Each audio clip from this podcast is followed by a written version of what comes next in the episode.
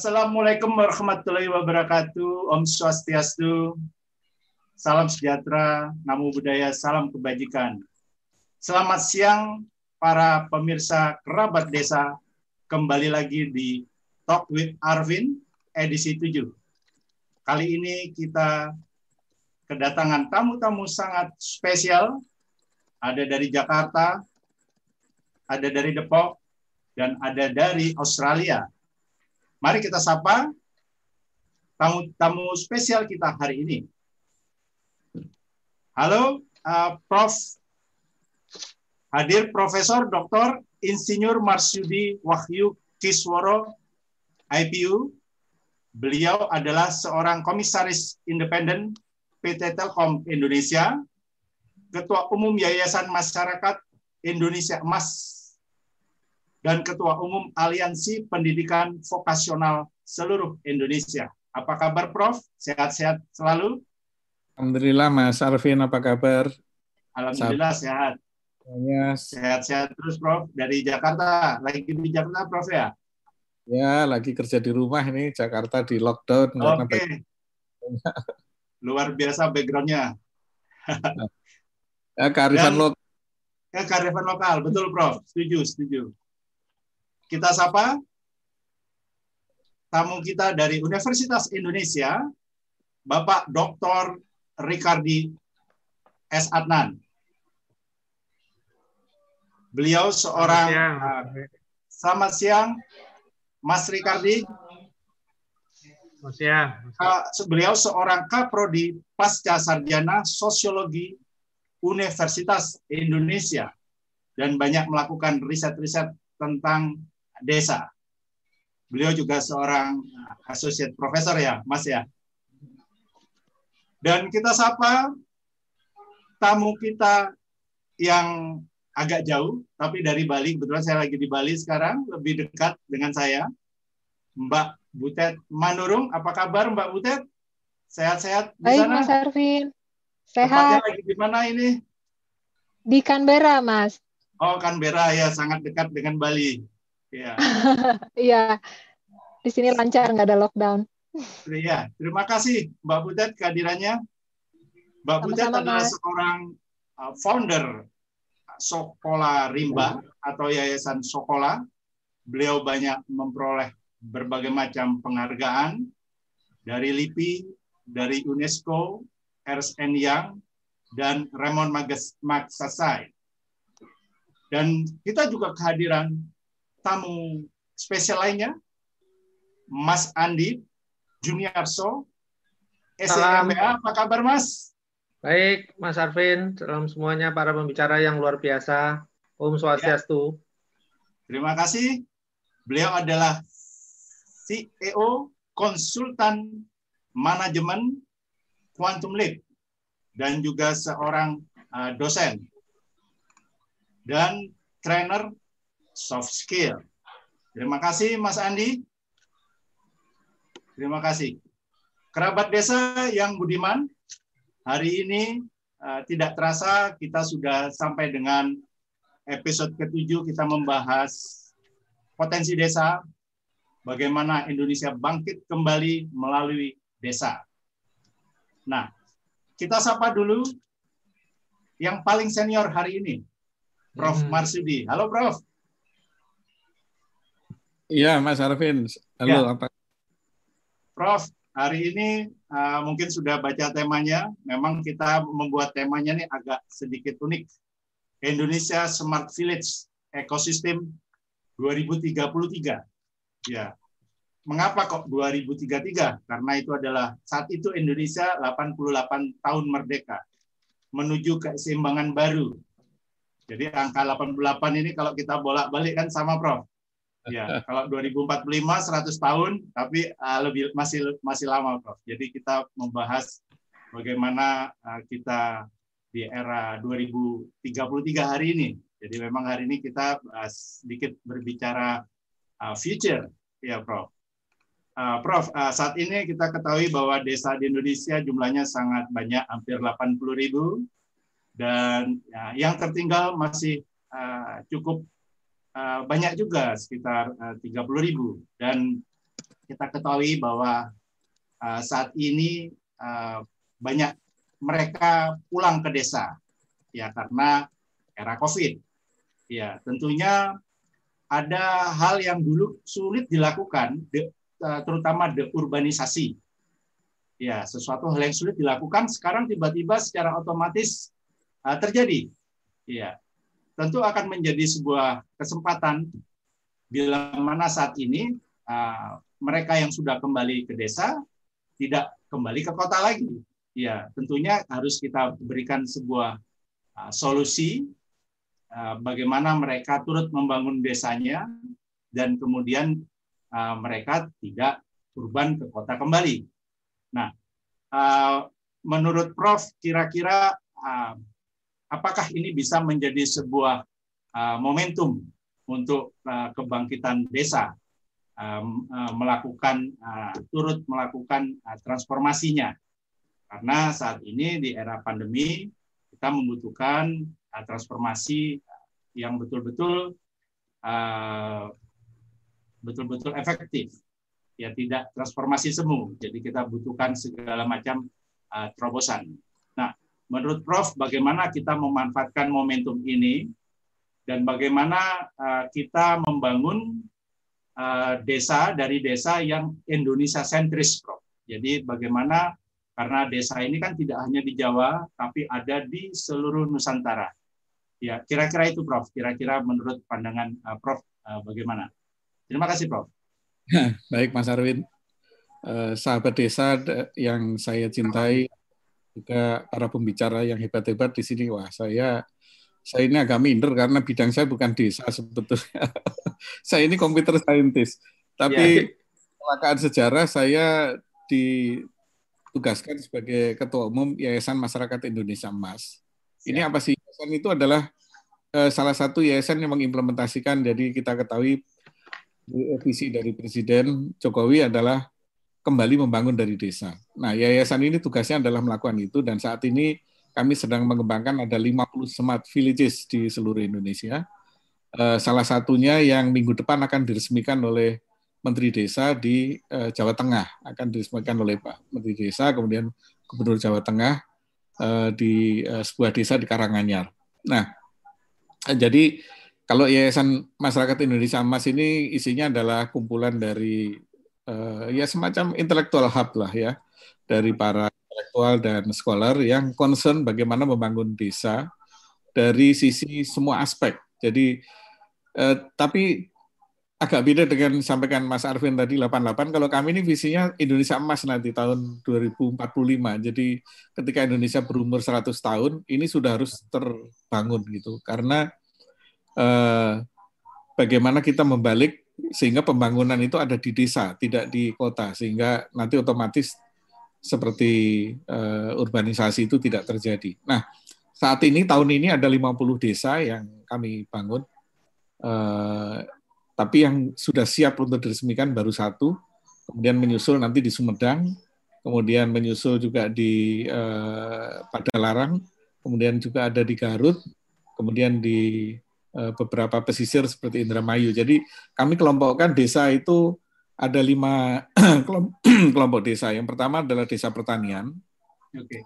desa pertanian, kemudian desa pariwisata, kemudian yang ketiga adalah desa industri, yang yang yang keempat adalah desa nelayan, yang kelima adalah desa campuran. Ini masing-masing memiliki arsitektur smart city yang berbeda-beda, arsitektur smart village yang berbeda-beda. Nah, inti dari smart village itu yang kami bawa adalah bagaimana memperkenalkan teknologi untuk pembangunan pedesaan. Teknologi itu tidak harus teknologi canggih, ya. Sebagai contoh, bisa saja teknologi canggih. Sebagai contoh, misalnya kami di beberapa desa di Serang itu mengajak anak-anak muda untuk kembali mencintai pertanian dengan cara membangun pertanian, tapi di sana itu kami sudah menggunakan drone untuk inspeksi, kemudian menggunakan eh, IoT untuk eh, pengendalian pupuk, air dan sebagainya. Sehingga Eh, petani di daerah tersebut tidak lagi membawa cangkul, tapi yang dibawa itu adalah gadget gitu. Nah, kemudian di yang akan diresmikan nanti di Karanganyar itu adalah tipikal desa wisata di mana kita gabungkan antara wisata dengan dilengkapi dengan teknologi mulai dari teknologi digital sampai teknologi-teknologi yang lain yang non digital. Jadi kami siapkan di sana misalnya masyarakatnya untuk uh, di training atau diajari bagaimana uh, membuat homestay yang nyaman gitu ya, yang kelas hotel dan sebagainya. Nah, dalam program-program tersebut kami memang disupport oleh BUMN-BUMN uh, besar ya. Salah satunya Telkom, kebetulan saya di Telkom sebagai komisaris. Telkom menyediakan konektivitinya tapi ada BUMN yang lain, Adikarya, kemudian Waskita, kemudian pembangunan perumahan, kemudian juga beberapa bank besar juga ikut di sana, kemudian beberapa kampus eh, tergantung dari lokasinya. Yang di Jawa Tengah itu kami banyak bekerjasama dengan eh, UNS, kemudian Gajah Mada dan UPN Yogyakarta, misalnya yang ke depan itu. Kemudian yang di Sumedang kami dengan Universitas Pancasila, Prastia Mulia, kemudian dengan uh, Unpad. Nah, demikian juga di beberapa yang lain, termasuk di luar Jawa terjadi di kampungnya uh, Mbak Butet ini ada juga kami di okay, apa, Tapanuli Selatan ada. Jadi di, tapi di Tapsel baru ada beberapa desa percontohan yang sedang disiapkan.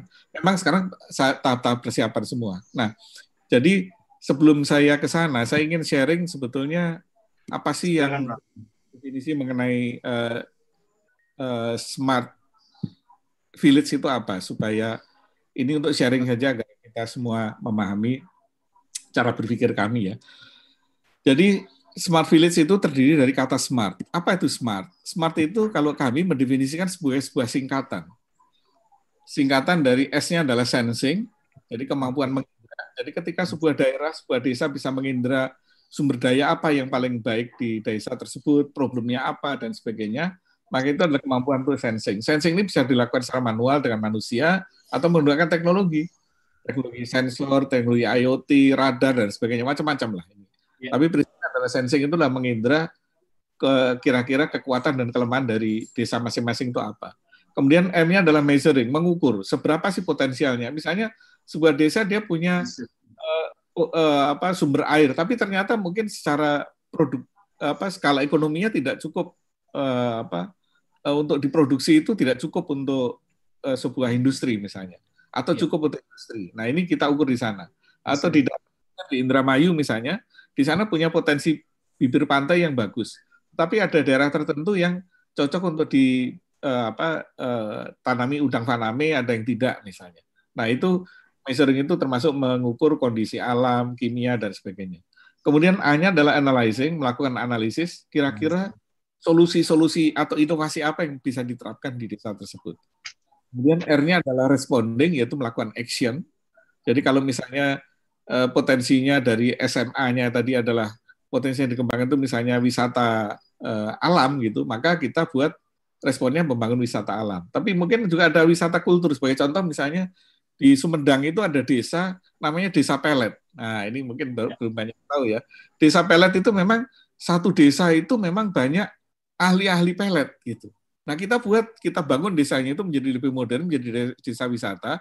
Tapi karena pelet itu kesannya negatif, ya kita buat hmm. jadi positif, jadi menjadi desa menjadi aura branding gitu. Jadi okay. orang yang mau di brand auranya itu bisa ke sana gitu. Jadi pelet bukan digunakan untuk menarik perempuan atau gadis saja, tapi bisa digunakan untuk Eh, membrand aura seseorang sehingga kalau mau pilkada atau mau jadi maju kontestasi publik itu jadi inilah apa namanya pantas lah gitu kira-kira.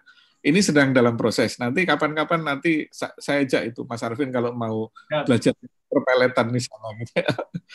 nah, eh, jadi saya itu kagum dengan misalnya kalau kita pernah pergi ke Amsterdam ya. ya.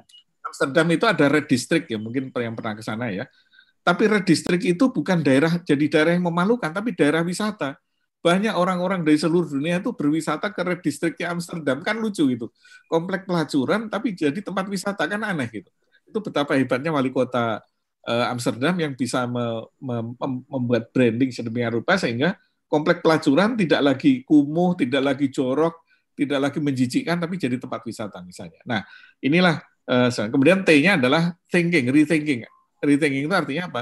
Selalu berpikir ulang agar problem itu tidak, terjadi. Salah satu uh, ciri dari semua sebuah makhluk atau sebuah sistem yang cerdas atau smart itu kan tidak mengulang problem yang sama. Makanya T-nya ini penting. Nah, jadi ketika kita membangun sebuah kawasan, misalnya sebuah desa, untuk menjadi smart itu basisnya adalah ini. Nah, karena itu apa itu uh, ini belum saya ini ya, belum saya oh, sorry. Sudah kelihatan ya? Ya uh, Silakan, Bro. Sudah ya kelihatan ya sekarang ya? Tampak, Bro. Nah, belum, jadi belum. seperti itu ya. Nah, kemudian uh,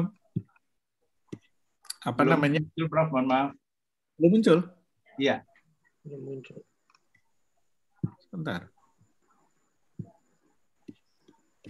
Iya, Bro.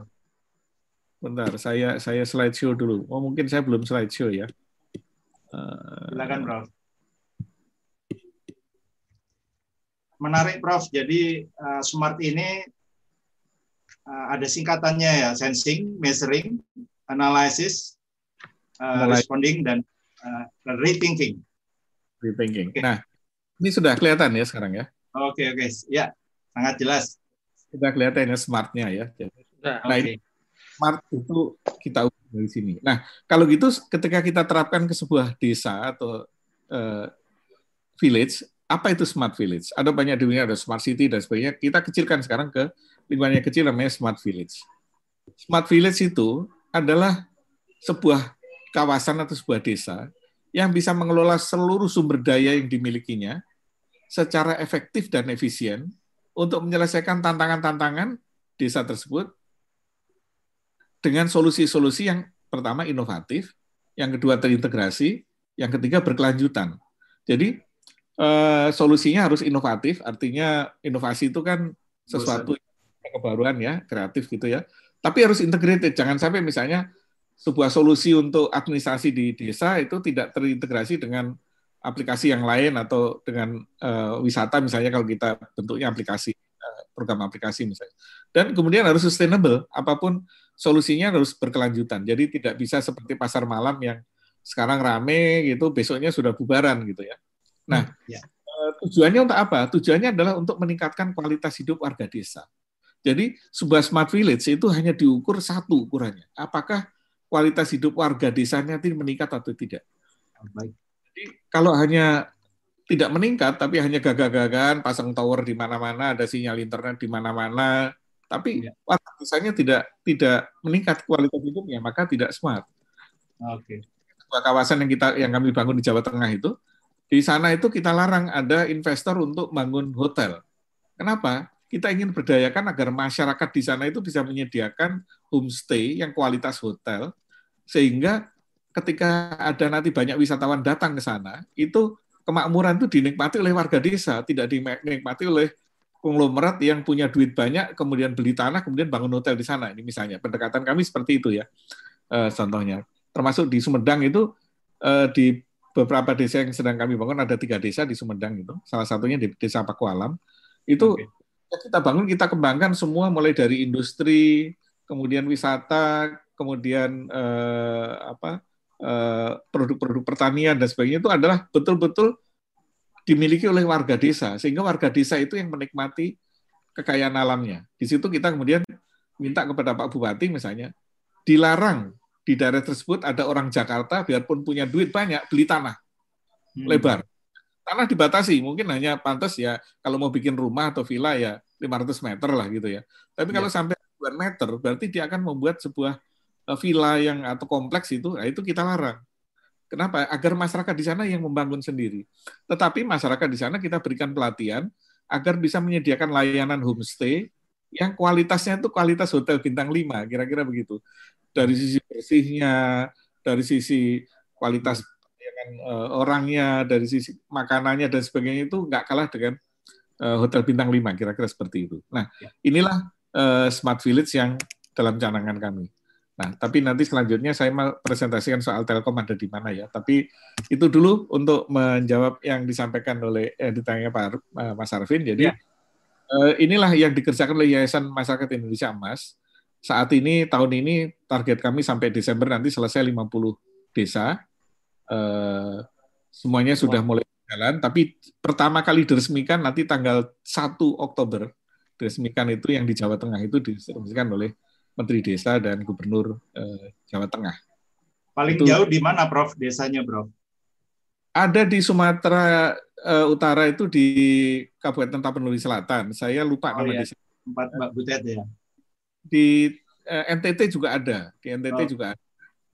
Uh, paling jauh itu ya. Karena karena kan gini ya, untuk smart village itu ada prasyarat. Yang pertama adalah pemerintah daerahnya harus kooperatif.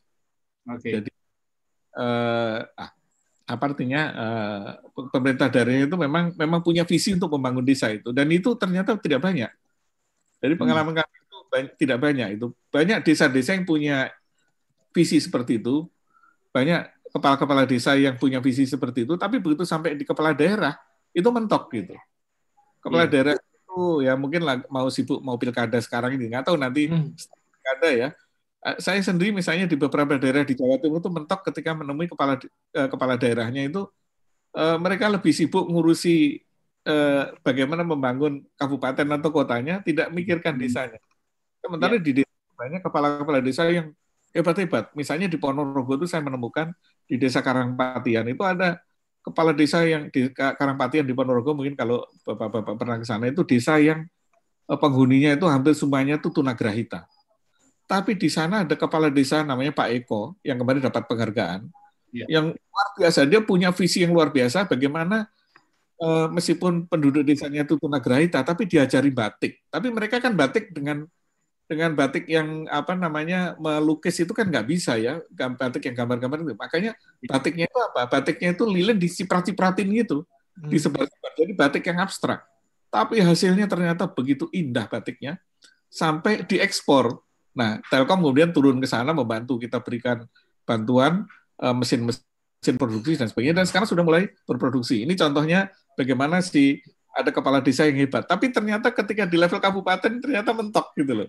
Nah, ini eh, makanya tahun pertama ini kami targetnya 50 dulu, kemudian nanti setelah itu tahun depan mungkin akan diperbanyak lagi. Nah, mungkin kalau teman-teman yang ada di sini nanti bersedia berpartisipasi, kami senang sekali karena ini kegiatan sosial ini sifatnya ini kegiatan yang tidak bukan proyek, bukan dibiayai dengan APBN dan sebagainya, tapi betul-betul uh, usaha dari kita semua. Ya memang ada sih sponsorship dari ya. Beberapa BUMN, tetapi ini bukan proyek komersial, artinya bukan proyek cari uang, tapi proyek bagaimana membangun desa. Ya, begitu. Luar biasa, luar biasa, Prof.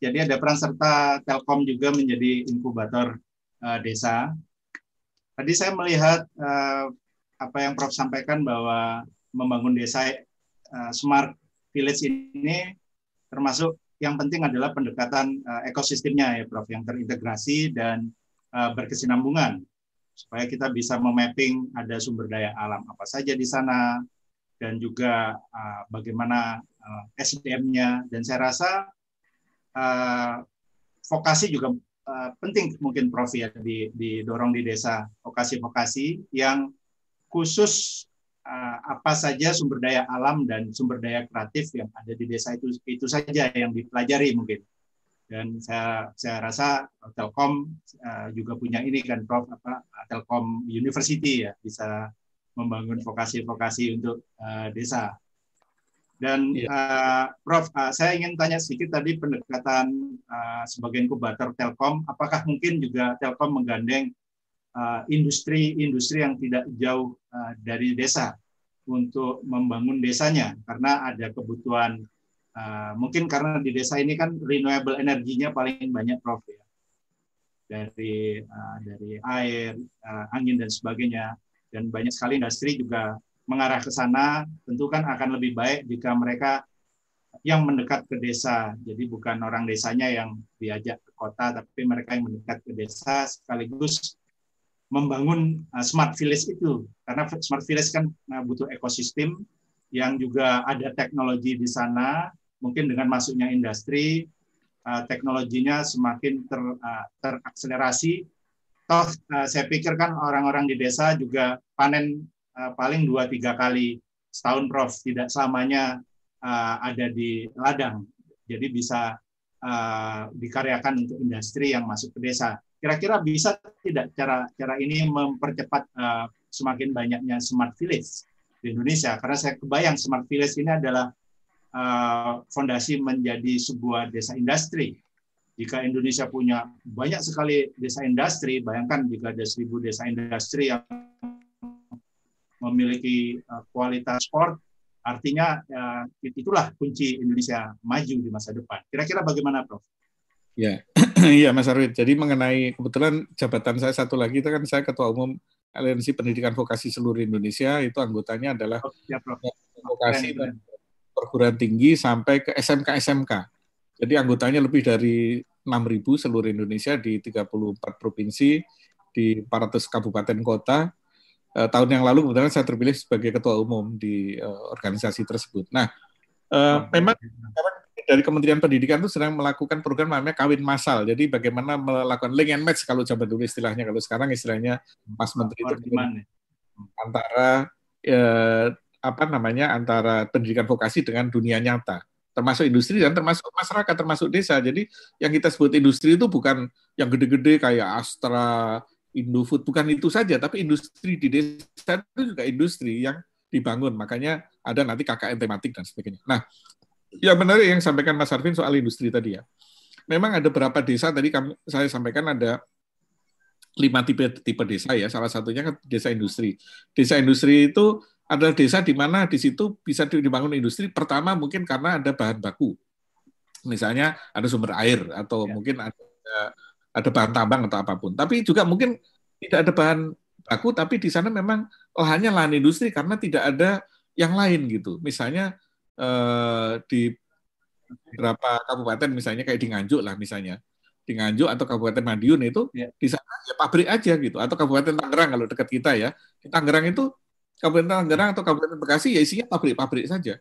Karena tapi bukan karena di situ ada bahan baku, tapi memang pabrik-pabriknya ada di situ. Nah, ini namanya desa industri. Nah, yang kami lakukan dalam bentuk smart village adalah bagaimana dengan keberadaan pabrik-pabrik tadi, itu masyarakat desa itu eh, diberdayakan menjadi lebih sejahtera, bukan yeah. bukan nonton. Yang terjadi sekarang kan banyak terjadi adalah orang bikin pabrik, kemudian penduduk desa itu digusur, tanahnya, sawahnya digeser, kemudian jadi pabrik, kemudian mereka jadi penonton, gitu kan. Hmm. E, tidak menikmati keberadaan pabrik tadi, paling menikmati dalam bentuk CSR yang nggak ada artinya lah. PKBL itu kan kecil ya. Yang sebetulnya harus dibuat yeah. adalah desa itu juga me, me, menikmati bagaimana keberadaan pabrik itu. Nah itu yang yang yang salah satu konsep, salah satu model di desa industri yang kami kembangkan. Tapi ini belum belum belum implementasi ini belum ada. Yang kami sudah kembangkan baru desa wisata, desa pertanian dan desa uh, pesisir, desa nelayan, baru tiga itu yang sudah. Tapi desa industri yang isinya pabrik-pabrik itu uh, secara nyata belum, tapi ada konsepnya uh, di tim kami di NIE yang menangani khusus desa industri itu ada. Nah, tapi intinya adalah beda dengan konsep pembangunan pada masa lalu di mana ada pengusaha dia bikin pabrik di satu daerah, satu desa, penduduknya digusur semua, sawahnya hilang semua, terus penduduknya itu paling jadi penonton, paling banter jadi satpam. Nah ini tidak boleh, ya. tidak boleh terjadi. Penduduknya cuma jadi penonton atau jadi cuma jadi satpam paling jauh itu tidak boleh. Penduduknya harus penduduk desa itu harus menikmati keberadaan pabrik tadi sehingga tadi ukurannya adalah di dalam smart village tadi adalah apakah harkat atau derajat hidup warga itu meningkat. Dan dengan adanya pabrik itu harus ada peningkatan kualitas hidup dari warga tersebut. Misalnya dalam bentuk pekerjaan, pendidikan, dan yang lain-lain. Itu masih. Ya. Tidak Terima kasih, Prof. Nanti kita kembali diskusi, diskusi. Saya ingin menyapa dulu yang paling cantik hari ini. Ya, Mbak Butet. Mbak Butet. Iya, halo Mas Arvin. Ya. Tadi uh, kita sempat bincang dengan Prof mengenai vokasi, pentingnya vokasi hmm uh, di desa karena uh, mungkin tanpa SDM yang mumpuni membangun sebuah smart village hanya menjadi sebuah angan. Uh, saya membaca banyak sekali pengalaman luar biasa dari uh, Mbak Butet uh, melakukan mm. vokasi gayanya Mbak Butet ya di desa-desa terpencil. Nah, uh, Prof adalah seorang komisaris independen Telkom. Ya. ya. Banyak sekali di, uh, nah ini yang ingin saya uh, mungkin diskusikan. Banyak sekali sekarang di desa-desa uh, menurut uh, Komnas uh, Komnas Anak ya, anak-anak uh, putus sekolah. Iya, tentu uh, Mbak Butet sudah uh, lebih paham lah, lebih uh, tahu karena di lapangan. Ya. Nah, sekarang teknologi ICT pendidikan atau teknologi pendidikan sangat berkembang pesat. Ya. Dan juga uh, teknologi komunikasi. Sebetulnya uh, teknologi pendidikan adalah alat untuk membuat semestinya pendidikan semakin murah dan semakin terjangkau. Jadi anak-anak tidak putus sekolah. Ya. Nah, menurut pengalaman um, Mbak Butet eh, dari anak-anak ya. yang Mbak Butet temui di desa-desa terpencil, ya. Apa kendalanya kira-kira uh, teknologi pendidikan uh, diterapkan dan bagaimana justru teknologi pendidikan ini menjadi solusi supaya anak-anak putus sekolah di desa-desa terpencil uh, bisa dikurangi lah. Ya, kira-kira bagaimana pengalaman dari Mbak Butet uh, sendiri? Ya, ya, karena saya melihat sekarang justru uh, ada asumsi terbalik bahwa teknologi uh, pendidikan atau ICT adalah beban bagi anak-anak sekolah. Padahal inilah solusi uh, pendidikan semakin murah dan semakin uh, terjangkau. Kira-kira uh, bagaimana uh, pandangan Mbak Butet dari pengalamannya ya, luar biasa? Kalau Mas Arvin tadi bilang teknologi seharusnya membuat uh, pendidikan menjadi lebih mudah gitu ya, aku nggak sepenuhnya sependapat tuh Mas.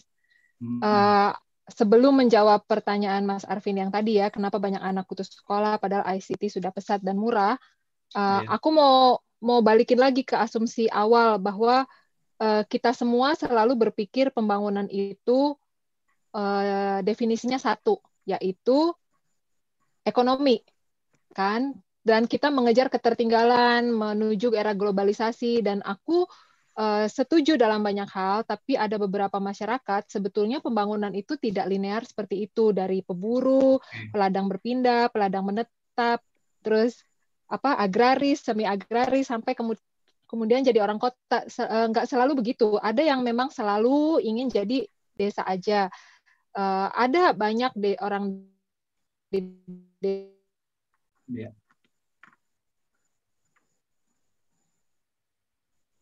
Sepertinya uh, koneksi uh, terputus, Mbak Butet. Apakah mendengar? Sepertinya koneksi dengan Australia, kan merah terputus, agak terputus. Ya, kita uh, sapa dulu Mas Ricardi, Dr. Ricardi, UI dari uh, dari sosiolog, seorang sosiolog UI. Apa kabar, ya. Mas? Mas Martin. Ya, nanti kita kembali ke Mbak Bujet. Sepertinya sambungannya terputus. Ya. ya. Baik. Uh, nah, ini uh, sebagai seorang uh, sosiolog, ya tentunya sangat memahami. Tadi sudah sempat disampaikan kepada uh, kepada pemirsa kerabat desa oleh Mbak Butet, bagaimana uh, SDM desa uh, bertransformasi dari ada yang dari hulu ke hilir ataupun ada yang dari hilir ke hulu mungkin ya. Nah, bagaimana kira-kira uh, dengan perkembangan uh, teknologi dan modernitas uh, yang ada dampaknya kepada masyarakat desa sendiri untuk bertransformasi menjadi smart village? Uh, ya, Pak Dr. Uh, Richard, kira-kira. Silakan, Pak. Baik, Mas. terima kasih Mas Arvin, kerabat ya. desa yang uh, saya muliakan, yang kita sama-sama banggakan. Eh, Bapak Ibu semuanya, Prof. Masudi. Eh, semoga masih ingat saya ya. Tahun 2018 saya ke tempat Bapak di Ciawi waktu itu, Prof. Ciawi, Prof. Baik. Eh, Mas Arvin, mohon izin saya presentasi ya. Siap, siap. Silakan, silakan. Silakan. Ya, Sudah dikohoskan tadi. Silakan.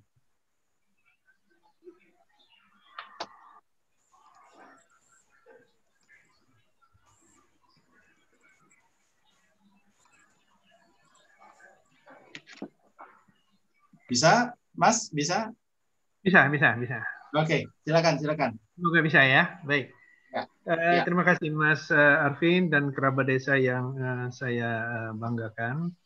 Uh, Bapak Ibu semuanya pada hari ini mungkin sharing ya, sharing pengalaman. Di sini juga hadir, di sini ada Bang Firdaus nih, mahasiswa S3 Sosiologi juga. Oh iya. Bisa, bisa sharing juga pengalaman dia juga sangat luar biasa mengenai pembangunan desa. Uh, presentasi saya sudah muncul belum? Sudah, sudah. Sangat sudah, ya? jelas. Ya? Silakan. Uh, jadi uh, kalau sebelumnya kita lihat pada periode katakanlah di awal-awal revolusi industri, jadi desa itu ditinggalkan ya, ditinggalkan oleh banyak penduduknya di sana. Tadi yang juga disebutkan oleh Prof. Marsudi bahwa justru ini adalah uh, yang sebelum justru sekarang berubah ya. Justru kita banyak belajar itu bukan hanya dari kota saja, tapi justru dari desa. Desa itu sumber segala halnya. Yang justru awalnya kita dari sana, kita makan kita dari sana, pangan kita juga dari sana, bahkan sandang kita juga dulunya juga dari uh, sana ya, dari desa. Nah, sekarang trennya itu sekarang terjadi perubahan. Jadi ketika telah apa namanya eh, masa revolusi industri 1 2 3 selesai, masuk ke revolusi industri ketiga, ketika sektor jasa mulai menjadi perhatian, dan kemudian juga tourism juga berkembang. Nah, setelah sektor jasa ini menjadi uh, salah satu kebutuhan dari uh, manusia ya uh, untuk uh, apa namanya rekreasi, untuk refreshing dan seterusnya. Nah, desa itu kembali sekarang justru menjadi sesuatu ya hal yang uh, mendapatkan sesuatu ya. Jadi masyarakat banyak belajar dari, dari desa. Bagaimana local wisdom dari masyarakat desa. Nah, di sini saya ingin apa uh, menceritakan bagaimana sebuah uh, pembangunan di uh, Hebian Village ya. Kebetulan saya ke ke sana saya diundang dari uh, apa namanya Beijing Agro uh, University. Uh, di situ sebelumnya Hebian Village itu di Siswangbana di Yunan provinsi Yunan ya di Cina Selatan pada tahun 70-an itu desa itu dikenal sebagai desa orang banyak tergantungan narkotik ya, sehingga masyarakatnya sangat uh, menyedihkan sekali. Nah, kemudian pada tahun 80-an coba dicoba diperbaiki sama pemerintah. Nah, ada seorang profesor dari uh, agroindustri yaitu Profesor Li Xiaoyong. Dia pada tahun 2014 melakukan kalau kita mungkin sebutnya istilah seperti KKN gitu ya, membawa ya. mahasiswa dari Beijing ke sana ke Siswang ke Hebian Village ini lalu melihat masyarakatnya dan apa yang mereka lakukan, kita harus membangun desa ini. Nah, 2016 eh, dia selama dua tahun mempersiapkan proposalnya bagaimana membangun desa yang tadinya terpencil, desa yang sangat tidak menarik, lalu sekarang bisa menjadi sebuah kekuatan sendiri. Eh, karena apa? Jadi dia bisa mengundang para eh, apa namanya para akademisi juga juga melibatkan masyarakat desa dia juga meminta uh, kepada pemerintah pusat intinya adalah programnya adalah salah satu dikaitkan dengan poverty reduction. Nah, poverty reduction itu malah sekarang bukan hanya povertinya masyarakatnya menjadi tingkat kesejahteraan lebih baik, tetapi lebih daripada itu.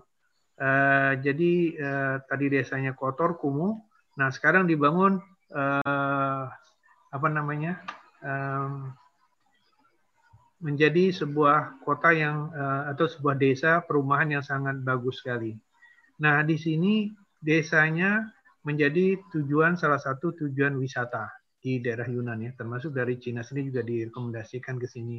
Jadi orang bisa datang ke sana uh, menikmati culturalnya kalau mungkin seorang di cultural dan juga bagaimana mereka tuh merubah namanya desanya, desa yang sangat kotor dan kumuh tadi Nah, salah satu yang dilakukan oleh Profesor Lee Xiaoyong tadi, dia memberdayakan masyarakat desa. Nah, tadi seperti yang dikatakan oleh Prof. Masudi, bahwa desa itu, pembangunan desa itu selayaknya dinikmati oleh orang desa.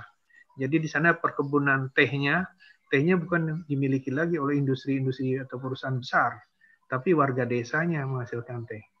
Dan kemudian juga di sini menjadi tempat pembelajaran bagaimana uh, dibalik ya dari kumuh terbelakang itu menjadi pusat pembelajaran bukan hanya dari kalangan apa namanya uh, wisatawan yang datang karena betul sekali jadi rumah-rumah yang dibangun di sini uh, mohon maaf saya tidak uh, sempat menyiapkan apa slide-nya Itu uh, toiletnya udah standar internasional. Okay. Jadi kita masuk ke rumahnya itu, di rumah di rumah panggungnya itu, di bawahnya adalah penduduk aslinya. Nah, di lantai dua, uh, di atasnya adalah uh, para tamu, termasuk kita. Nah, mereka yang dilakukan oleh mereka, pertama adalah lingkungan itu bersih. Sehingga yang tadinya ayam, babi, dan anjing itu berkeliaran, sekarang tidak ada babi dikandangin sendiri, ayam dikandangin sendiri dengan sistem peternakan yang green ya. Jadi artinya uh, bagaimana bau atau segala macam uh, pencemaran udara dan pencemaran air dan uh, tanah itu bisa di, eh, diselesaikan atau bisa di apa di recycling oleh uh, penduduk di sana atas uh, bimbingan dari Prof. Li Xiaoyong tadi. Nah, kemudian juga uh, ketika kita masuk ya ke atas di sana tuh ada sudah ada slippernya, uh, sendal jepitnya, masuk kamar mandinya, ada air panas, air dinginnya dan shower dan segala macamnya. Juga ruangan AC dan lebih hebat lagi di setiap ruangan, di setiap rumah di situ disediakan WiFi. Saya baru 2019 eh, 2018 kemarin ke sana. Jadi yeah. di bulan November 2018 uh, di situ disediakan WiFi dan hal yang penting bagi kita kalau pengunjung mungkin seperti uh, generasi milenial atau mungkin pada era sekarang yang dibutuhkan adalah colokan listrik. Mereka iya. menyediakan yeah. colokan listrik. Nah, di sini luar biasa menjadi uh, kamar mandi, toiletnya, tapi nuansanya adalah nuansa desa. Nah, kemudian apa? Di samping itu mereka juga mengajarkan kepada kita bagaimana uh, sebuah produk uh, dari masyarakat desa itu diolah Nah, bagaimana mengolah teh, juga bagaimana uh, kekayaan budaya yang ada di sana. Nah, ini sehingga desa ini menjadi kunjungan uh, bukan hanya dari uh, pada tadi saya sebutkan para wisatawan, tapi para pemerintah, uh, pejabat pemerintahan, khususnya dari negara-negara uh, izin ya, negara-negara yang uh, sedang uh, berkembang atau membangun, seperti negara-negara dari Afrika, dari Sri Lanka, dari negara-negara selatan ya, lainnya. Dan okay. kemudian juga uh, mereka belajar dan mereka berbagi. Nah, konsepnya itu yang mungkin kalau kita kenal sekarang dengan konsepnya pentahelix ya. Jadi bagaimana masyarakat penduduk sekitarnya, bagaimana private sector, bagaimana pemerintah, bagaimana university itu terlibat. Nah, ini yang disebutkan oleh uh, Prof. Eh, Marsudi tadi ya. Jadi semuanya terlibat, semuanya membangun. Tadinya desa terpencil, untuk sampai ke sana itu pemerintah sampai membuatkan mohon maaf ya saya lihat di samping kepentingan dia mengatur juga kepentingan ekonomi lainnya kalau terpencil itu artinya aksesibilitasnya menjadi sangat terbatas nah okay. itu uh, pemerintahan dari Beijing itu membangun uh, beberapa terowongan ya jadi yeah. jalan raya jalan tol itu dibangun menuju ke arah sana sehingga aksesibilitasnya uh, uh, apa namanya cukup tinggi Nah, tapi kita pun tentu saja tidak uh, harus apa namanya tidak harus uh, berkecil hati karena kita pun juga sudah banyak melakukan atau justru desa-desa kita itu sudah menjadi tempat uh, apa namanya tempat pembelajaran dan juga tempat uh, wisata. Jadi uh, yang namanya konsep modernisasi tadi yang dikritisi oleh Mbak Butet ya atau modernisasi kita tidak mengarah saja pada satu pertumbuhan atau kemajuan atau sivilisasi yang satu arah, tapi justru sebaliknya yang dari desa itu justru tempat kita belajar. Misalnya yang telah dilakukan di sini adalah kampung apa uh, Inggris di Pare ya. Justru orang dari kota, orang dari Jakarta, orang dari Surabaya, dari Bandung, anak-anak mudanya justru ke sana. Di sanalah mereka untuk belajar bahasa Inggris, untuk praktis bahasa Inggris. Bukan hanya itu, mereka pun juga tempat bersosialisasi. Nah, di sini ada terjadi perubahan pembalikan paradigma. Dan termasuk sekarang ada juga green schooling yang dibangun oleh Mas Imam Prasojo di Purwakarta. Jadi di desa tersebut, desa itu dibangun oleh masyarakat setempatnya, sekolahnya di sana dibangun, nah, tapi konsep adalah bagaimana green ya, bagaimana mengoptimalkan dari sumber daya yang ada, jadi zero waste eh, management dilakukan di sana, bagaimana air ini di recycling di sana, bagaimana pemanfaatan uh, solar ininya, electricity-nya, dan uh, seterusnya. Dan justru ini yang sekarang proses masih berjalan, berlangsung, justru ini ditargetkan adalah orang nantinya datang ke desa ini itu untuk belajar. Nah ini yang saya pikir yang uh, yang juga dilaksanakan oleh dibangun oleh uh, Pak Artin Mirasolova ini, saya pikir sangat baik ya. Jadi bagaimana mengawinkan antara konsep dunia modernitas itu, salah satunya kebutuhannya untuk leisure atau kebutuhan untuk rekreasional, itu justru dikembangkan atau dikawinkan dengan konsep pembelajaran. Dan itu bukan dari uh, apa namanya daerah atau dari perkotaan, tapi justru dari desa dengan Bollywoodnya. Saya pikir uh, ini adalah uh, relevan sekali. Nah, cuma mungkin tadi juga sempat disebutkan oleh Prof. Uh, Marsudi bagaimana konsep smart itu bisa uh, diterapkan, diaplikasikan ya. Karena kan targetnya tahun 2033 ya, Sarvin ya. Ya. Ya, eh, saya pikir itu. Jadi saya hanya ingin sedikit saja menyampaikan bahwa uh, sekarang telah terjadi uh, proses uh, pembalikan uh, namanya paradigma berpikir atau pembangunan itu ya. Bukannya orang belajar dari kota, justru belajar dari desa dan justru orang desa sendiri yang memberdayakan dirinya sendiri. Orang desa itu menjadi pusat pembelajaran kita, pusat pembelajaran ilmu pengetahuan, dan juga tempat kita eh, berbagi ada di sana. Eh, mungkin demikian dulu dari saya.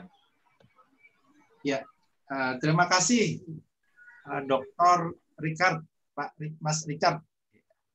Menarik sekali. Jadi saya melihat desa di luar ini sebetulnya sudah mengkombinasikan antara khususnya desa wisata tadi ya agroforestry dengan culture ya yeah.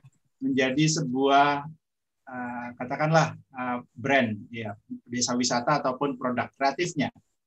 Nah, kalau kita pahami agroforestry kan macam-macam, nah, mungkin di situ ada uh, pertanian atau hutan, ada rotan mungkin di sana ya atau ada dan sebagainya lah. Nah, bahan baku lah untuk menjadi sebuah kerajinan.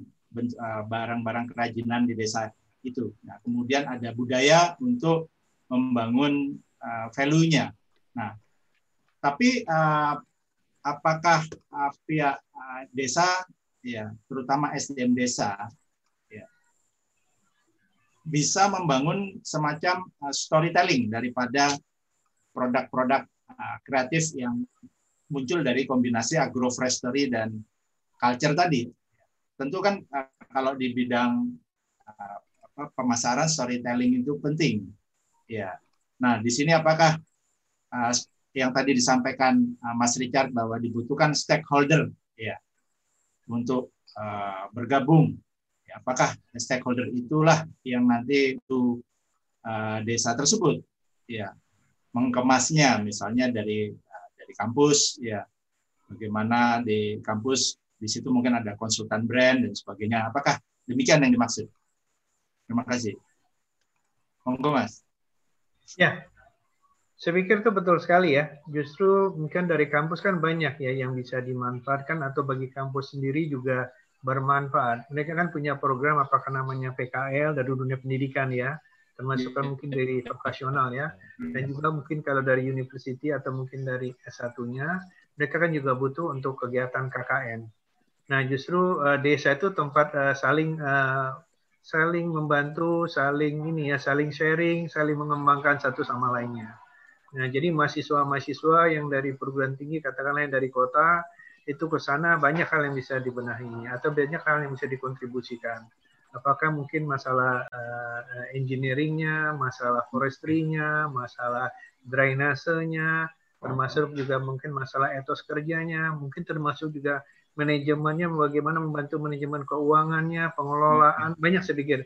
Banyak mahasiswa bisa membantu kepada uh, masyarakat desa. Dan di situ masyarakat juga memberikan sesuatu kepada uh, mahasiswanya, paling tidak kan tempat untuk melaksanakan kerja, tempat melaksanakan uh, uh, PKL, dan dari ininya sendiri, dari mungkin dari dosen atau guru besarnya juga di sana kan juga bisa menjadi tempat sebuah ajang riset atau pengembangan uh, bidang keilmuan, ya. Nah, Baik. kalau dari pemerintah, saya pikir kan sudah banyak ya pemerintah kan punya kepentingan untuk bangun. Karena bukan hanya kita kan uh, tujuan kita sekarang atau mungkin uh, sasaran kita pembangunan bukannya mengembangkan kota saja, bagaimana semuanya itu berkembang. Semua itu ini ya tidak harus linear kita uh, menjadi semua uh, beton atau besi atau mungkin demikian ya. Kita kan juga harus ada yang kembali nature ya Nah, nature yeah. itu pun juga berkembang. Nature itu juga menjadi tujuan. Nature itu juga tempat menjadi tempat yang uh, yang nyaman bagi kita semua ya. Ya orang orang kota juga nyaman ke desa, sama ya orang desa kan juga ke kota juga karena dengan rapi, bersih, tenang, ini ya nyaman. Kita pun juga mungkin orang dari desa, orang dari kota juga ke desa pun juga demikian banyak. Mereka juga bisa dapat belajar bagaimana beternak ayam. Nah sekarang kan juga ada konsep dari Pak uh, Gunter Pauli ya mengenai blue economy ya. Blue economy itu kan konsep adalah, nah salah satunya kan lanjutan dari uh, was, uh, apa namanya uh, zero waste management ya, atau mungkin lanjutan dari green economy ya. Nah kalau green economy bagaimana di recycling tidak ada uh, waste-nya, tidak ada namanya limbahnya ya. Tetapi dengan blue economy justru ada tambahan lagi adalah empowerment, human empowerment dan sustainability justru ada di kata kunci yang terakhir itu. Nah, kalau kita membangun desa, konsepnya adalah kita sebagai subjek, saya pikir mungkin masih uh, paradigma lama ya. Subjek itu adalah tetap dari masyarakat uh, desa itu sendiri. Nah, yang lainnya stakeholder itu adalah fasilitator, fasilitator ya. Mungkin Baik. begitu, mantap ini. Ya, jadi uh, dari um, tetrahelik yang disampaikan tadi ya, artinya di sini sudah sudah hampir lengkap nih, ya. Ada uh, Telkom, ada Mbak Butet, ya sebuah yayasan advokasi, kemudian ada Mas Andi konsultan dan ada uh, kampus ya uh, Universitas Indonesia. Nah, jadi memang harus menjadi uh, satu kesatuan ya kira-kira kurang lebih uh, seperti itu. Nah, bagaimana dengan community engagement-nya sendiri atau atau komunitas masyarakat desanya sendiri untuk menjadi bagian um, tetrahelik tersebut? Saya pikir ini Mbak Butet ya yang pasti yang jawab ya. Oke. Okay. Atau kita kembali ke Mbak Butet dulu ya. Mbak Butet ya, ya. sepertinya sudah uh, tersambung. Mbak Butet, uh, apa sudah terkoneksi kembali? Mungkin uh, di unmute dulu Mbak Butet.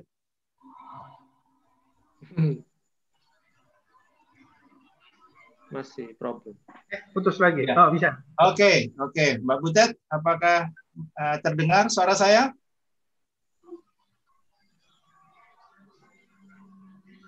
Sepertinya uh, masalah koneksi lagi. Kita uh, oke. Okay. Mbak Butet atau atau kita ke Mas Andi dulu, Pak Andi Juniarso, SEMBA. Ya, terima kasih Mas Arvin.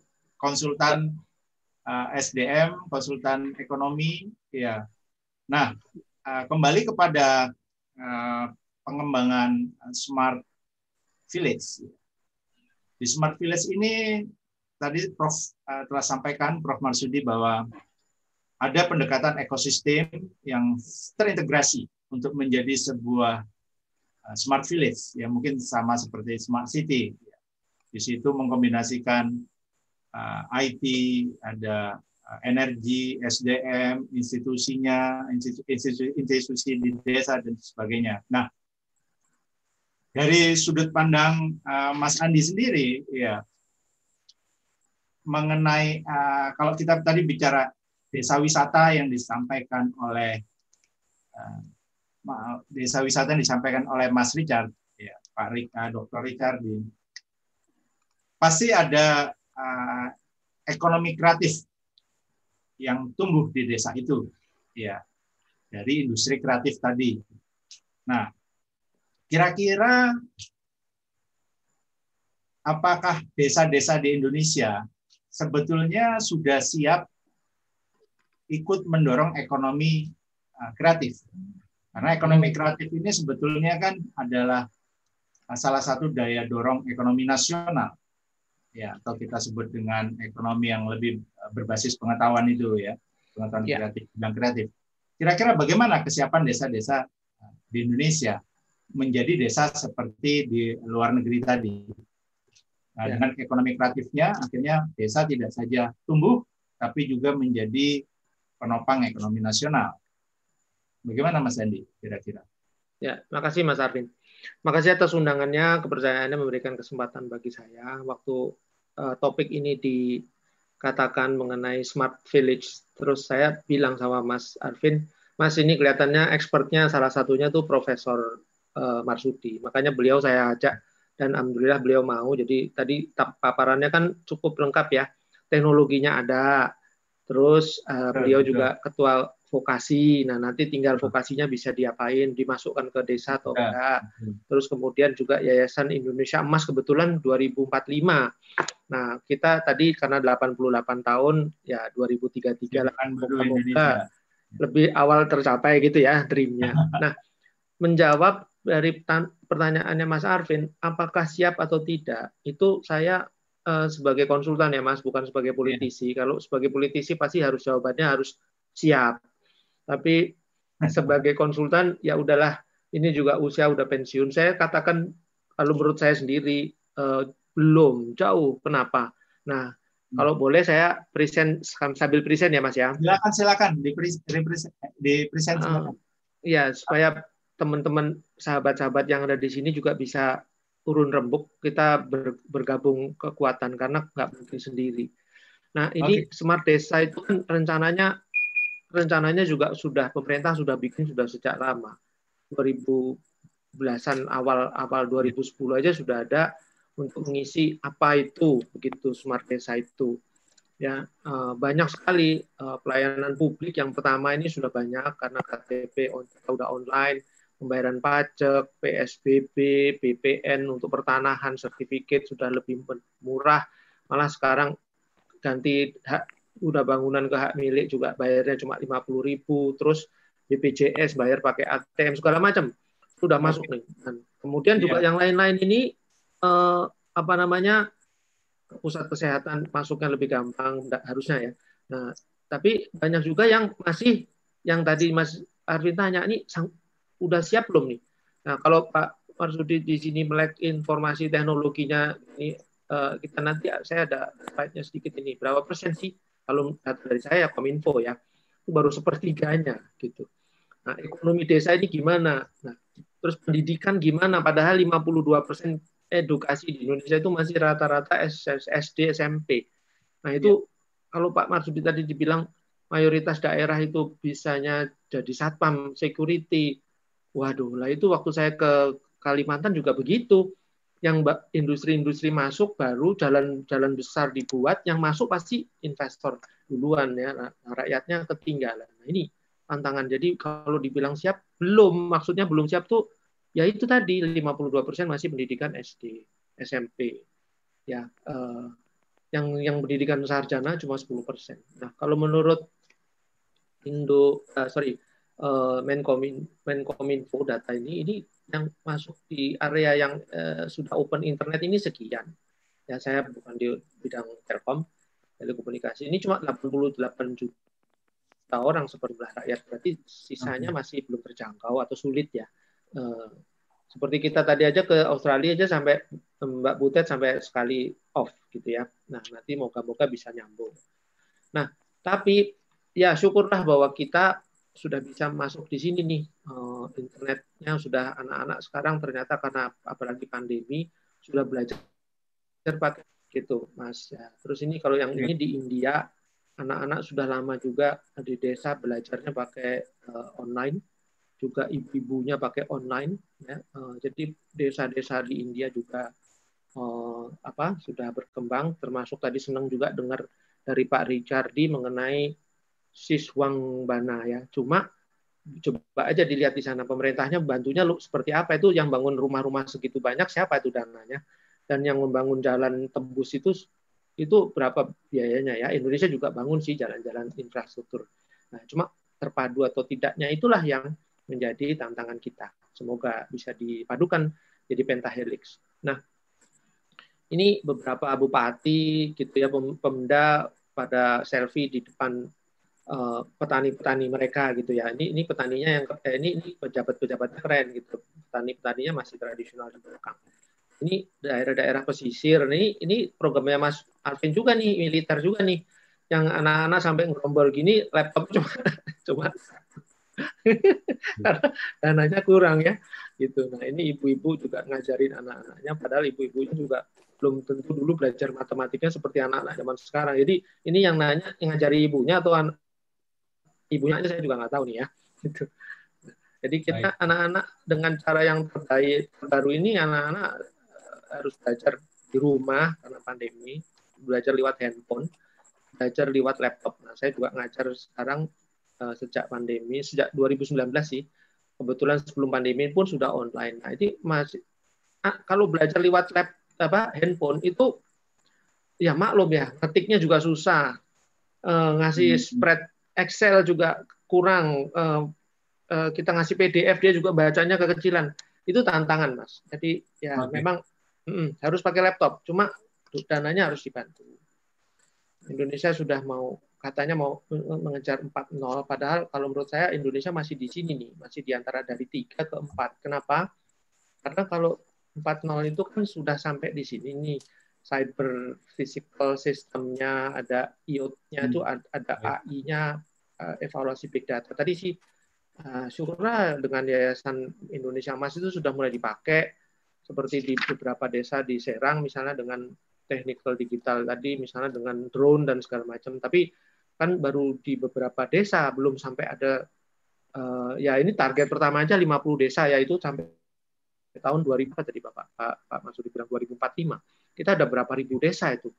Nah ini tantangannya berat nah ini kalau idealnya sih di Amerika drone tadi tadi Pak Marsudi bilang di Serang sudah pakai untuk panennya dia lihat mana areanya yang cocok pupuknya apa kapan dipupuk luasannya mana, kapan disiramin air, hasilnya kapan dipanen dan segala macam. Ini data-datanya ada. Bahkan bisa pakai uh, pakai AI artificial intelligence di greenhouse pemupukannya bibitnya apa iya lalu ini tapi ini kan dream banget ini. Kita hanya perusahaan-perusahaan besar yang bisa begini yang perusahaan menengah kecil apalagi kecil UKM waduh masih jauh ya. Nah ini drone pemupukan juga pakai uh, apa? Pakai uh, program dia tahu sendiri dia ngecek sendiri dan ini yang helixnya. Ini sorry helix ini ini maksudnya yang apa namanya otomatis ya untuk farming otomatiknya itu sudah sih cuma di perusahaan-perusahaan besar dan di Amerika dan negara maju. Kalau kita uh, mungkin perusahaan majunya aja gitu ya grup-grup gede uh, konglomerat. Kalau yang menengah kecil belum. PTP aja belum. Nah ini juga uh, dreamnya smart village kayak Amerika sehingga dari mulai awal bibit pupuk panen kapan panen jenis apa di daerah apa tanamannya apa semuanya sudah ada. Kita belum. Nah contoh balik lagi uh, event lokal. Apa sih? Ini contohnya Bali Camp. Waktu saya masih zamannya Gus Dur itu Mas Arvin itu saya di kontak sama yang Sigma Sigma Sigma ini. Ini grup ini yang punya nih Pak Toto. Dia bilang ayo kembangkan waktu itu Gus Dur umurnya umur pemerintahannya nggak cep nggak nggak lama ya. Jadi begitu naik jebol lagi gitu programnya tidak jalan lagi. Ini ini sudah ada di balik Kemendugul Mas Arvin ini. Ya. ini apa nih? Ini eh, sekarang jadi hotel jadi hotel gitu. Dulu waktu zamannya Gus Dur ini ini udah proyeknya miliaran. Kenapa? Karena eh, banyak ekspert-ekspert ke Bedugul datang ke situ mereka bikin program program order ordernya dari Amerika dari Kanada biasanya. Oh, bikin bikin film bikin uh, software bikin program bikin ah, digital deh. Ini udah berapa puluh tahun lalu ini. Nah cuma ya. karena waktu itu dukungan pemerintah ya ya pemerintahnya uh, nggak nggak serius. Ya saya waktu itu juga waktu itu pernah di mau dibantukan tapi saya nggak nggak kena lagi. Jadi lepas lagi. Gitu Prof. Ini makanya moga-moga yayasan dengan yayasan emas ini saya bisa diajak lagi sama Profesor untuk membantu. Mana lah? Balikan itu punya sekarang. Seka sekarang kelihatannya Pak Totoknya balik ke Kanada. Jadi punyanya, ini pro ini punyanya Telkom sekarang oh sekarang punya Telkom nah luar itu. biasa nah, itu kan jadi kalau punya Telkom ya harusnya jadi seperti dulu lagi gitu loh kok lebih maju lagi Setahu saya, oh nggak. Setahu saya sih dulu waktu Pak Toto itu dia beliau dapat ordernya dari Kanada, jadi orang-orang expertnya di sini dia cuma ini cuma numpang tempat aja nih sebetulnya.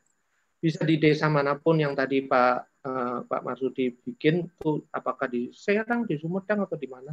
Nah, itu ini salah satu dream yang dulu moga-moga bisa apalagi tinggal softwarenya doang kan, tinggal komputernya. Nah, sebetulnya ini pertanyaannya apakah uh, village bisa smart? Ini orang, orang India yang nanya.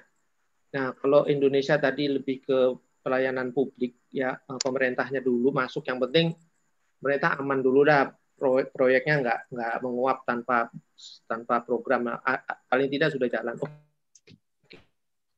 bagaimana tadi seperti Pak Masud bilang, income-nya mereka nih bisa naik, seperti di Cina juga dan juga education-nya. Nah, education-nya gimana kita menaikkan Indonesia ini? Kebetulan Pak Marsudi juga kebetulan ketua vokasi. Ayo Pak, bikin Pak vokasi benar-benar ini di mana anak-anak desa ini bisa maju. Karena tanpa sertifikasi, aduh nanti 2000 ini 2021 ya, itu terus ngapain gitu? Kita bersaing lawan ASEAN aja susah. Nah, kalau kita lihat ke pemerintah, ini, ini udah jalan, inovasi layanan publik udah jalan, layanan langsung, perpustakaan desa, nggak tahu nih. Perpustakaan buku-buku aja sih, cuma sejauh mana ya comment. Cuma kalau yang ini udah udah bagus. Terus demokrasi desa, nah, walaupun pilkada belum bisa pakai belum bisa pakai online inovasi badan usaha BUMN no comment di bawah Pak Erik ya. Terus ini eh, konsepnya udah bagus, kota cerdas. Ini eh, ini dari Smart City ini kalau mau di save nanti atau dimasukkan di YouTube kan eh, everybody bisa cek kalau mau ya. Konsep sudah bagus ini udah 120 50 lembar. BUMN tadi udah masuk ya eh, apa namanya PKBL tapi walaupun masih sedikit tapi moga-moga karena BUMN sekarang tahu sendiri sedang survive, berapa yang masih menunggu bantuan pemerintah untuk supaya survive karena masih. Nah ini uh, tadi tadi kalau pentahelix universitas uh, semoga UI juga pasti masuk ya. Ini ini saya ngambilnya dari London School. L, LSPR ini ke suatu daerah dia dia bantu, dia bantu sampai jadi pak gitu hmm. ini uh, sampai jadi ini Pak Ricardi. Jadi kalau tadi Pak Ricardi ngomong mengenai Siswang Bandi Yunan, lah ayo buktikan UI bantu desa satu aja mana yang betul-betul belum bilang sama Pak Rektor bilang sama Pak Rektor oh, lah Iya, kita opera-opera aja. Kan, kan Pak Marsudi juga bekas rektor, mantan rektor ya, Perbanas. Jadi ini sama ya. sama rektor sama kita kan kita omongin aja Pak. Zaman sekarang kan langsung ya. Apa lagi gitu loh masih ada umur kan. Banyak itu desa. Nah, satu aja UI bantu desa mana gitu, nggak usah jauh-jauh lah dari Jakarta di Jabodetabek aja deket banyak kok. Yang deket-deket di Jawa Barat banyak. Nah itu yang bisa jadi sukses gitu. Oh. Nah terus ini Mas, Mas Mas Arvin bilang udah siap belum? Nah coba nih kita mau masukkan internet, Mas Mas eh, Arvin Mas Arvin juga dulu di militer kan tahu dong. Yang masuk tuh nggak cuma ilmunya aja, tapi ini narkobanya, ya pornografinya, hoaxnya, bullying. Wah ini masuk juga. Nah ini siapa yang mau me, me, melawan itu? Nah itu harus ada. Kalau nggak ya yang masuk info yang masuk informasinya 10 masuk informasinya 10 buruk satu bagus jadi networknya networknya malah negatif ya itu itu itu bahaya ini kenyataannya ya itu karena data dari data kita Indonesia ini nomor lima nomor lima pak.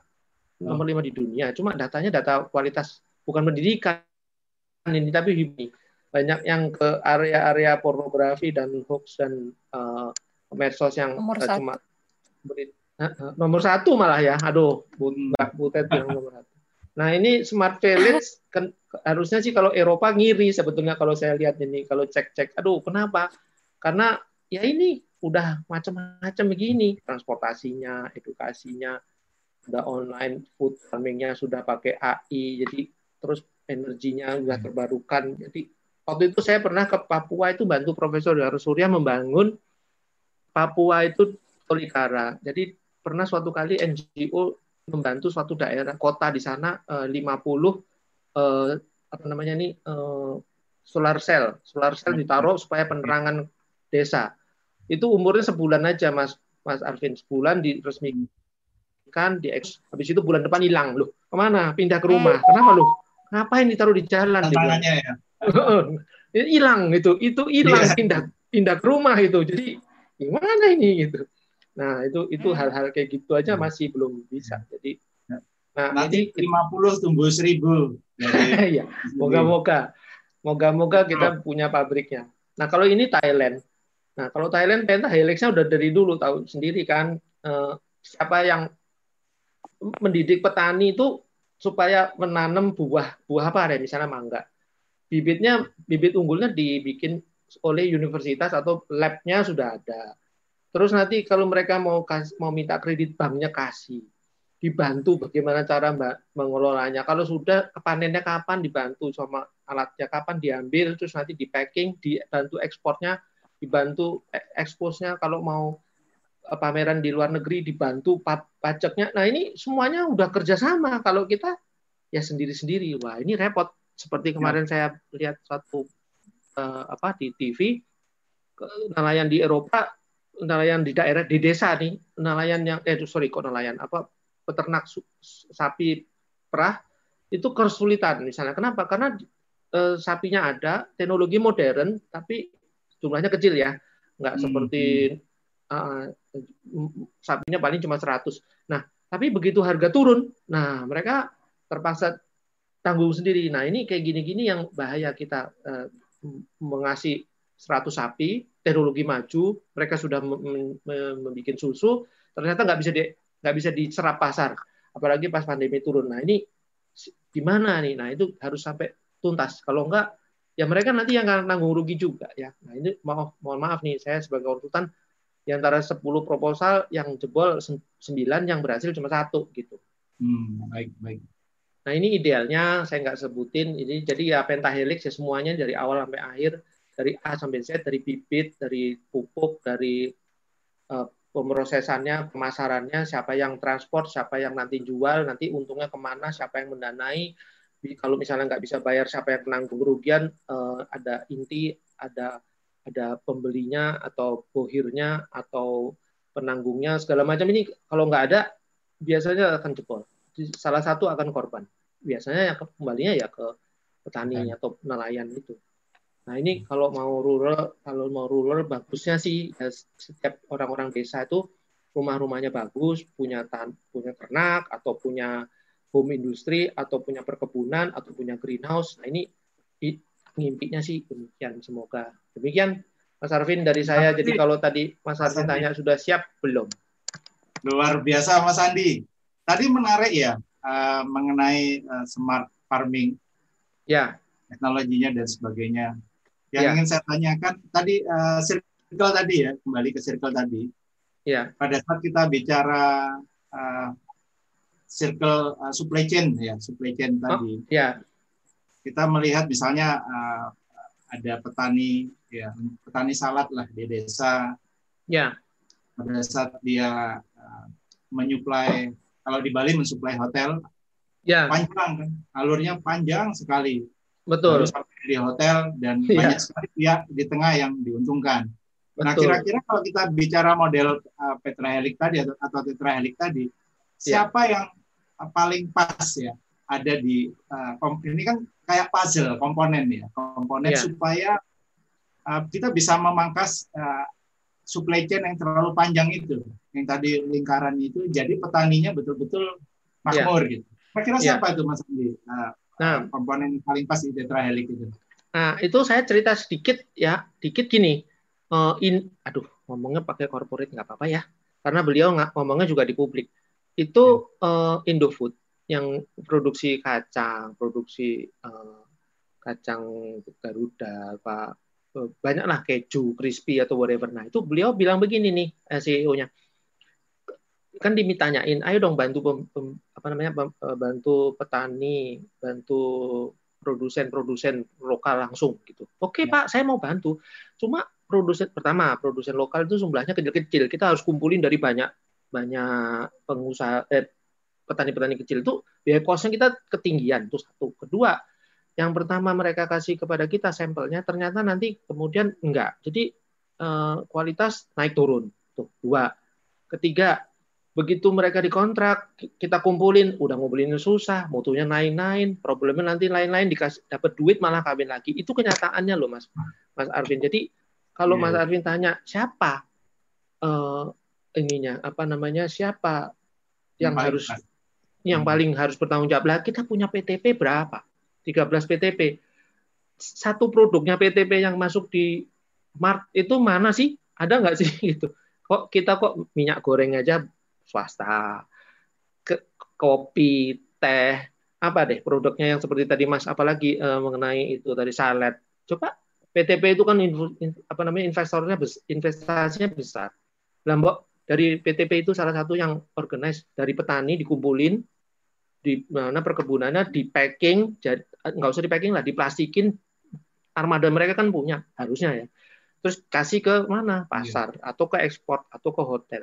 Sekarang hotel di Bali baru tutup. Kalau dengan ini uh, dengan e-commerce yang diterapkan di smart village apakah bisa uh, memotong kira-kira? Bisa mas tapi skala kecil. Uh, saya kan. Ya pengamat aja ya. Diminta untuk me-advise beberapa WA group. Ini UKM UKM itu pakai pakai ini pakai data itu. Cuma ah, mereka small small scale mas. Jadi jualannya tuh home industry. Membantu sangat.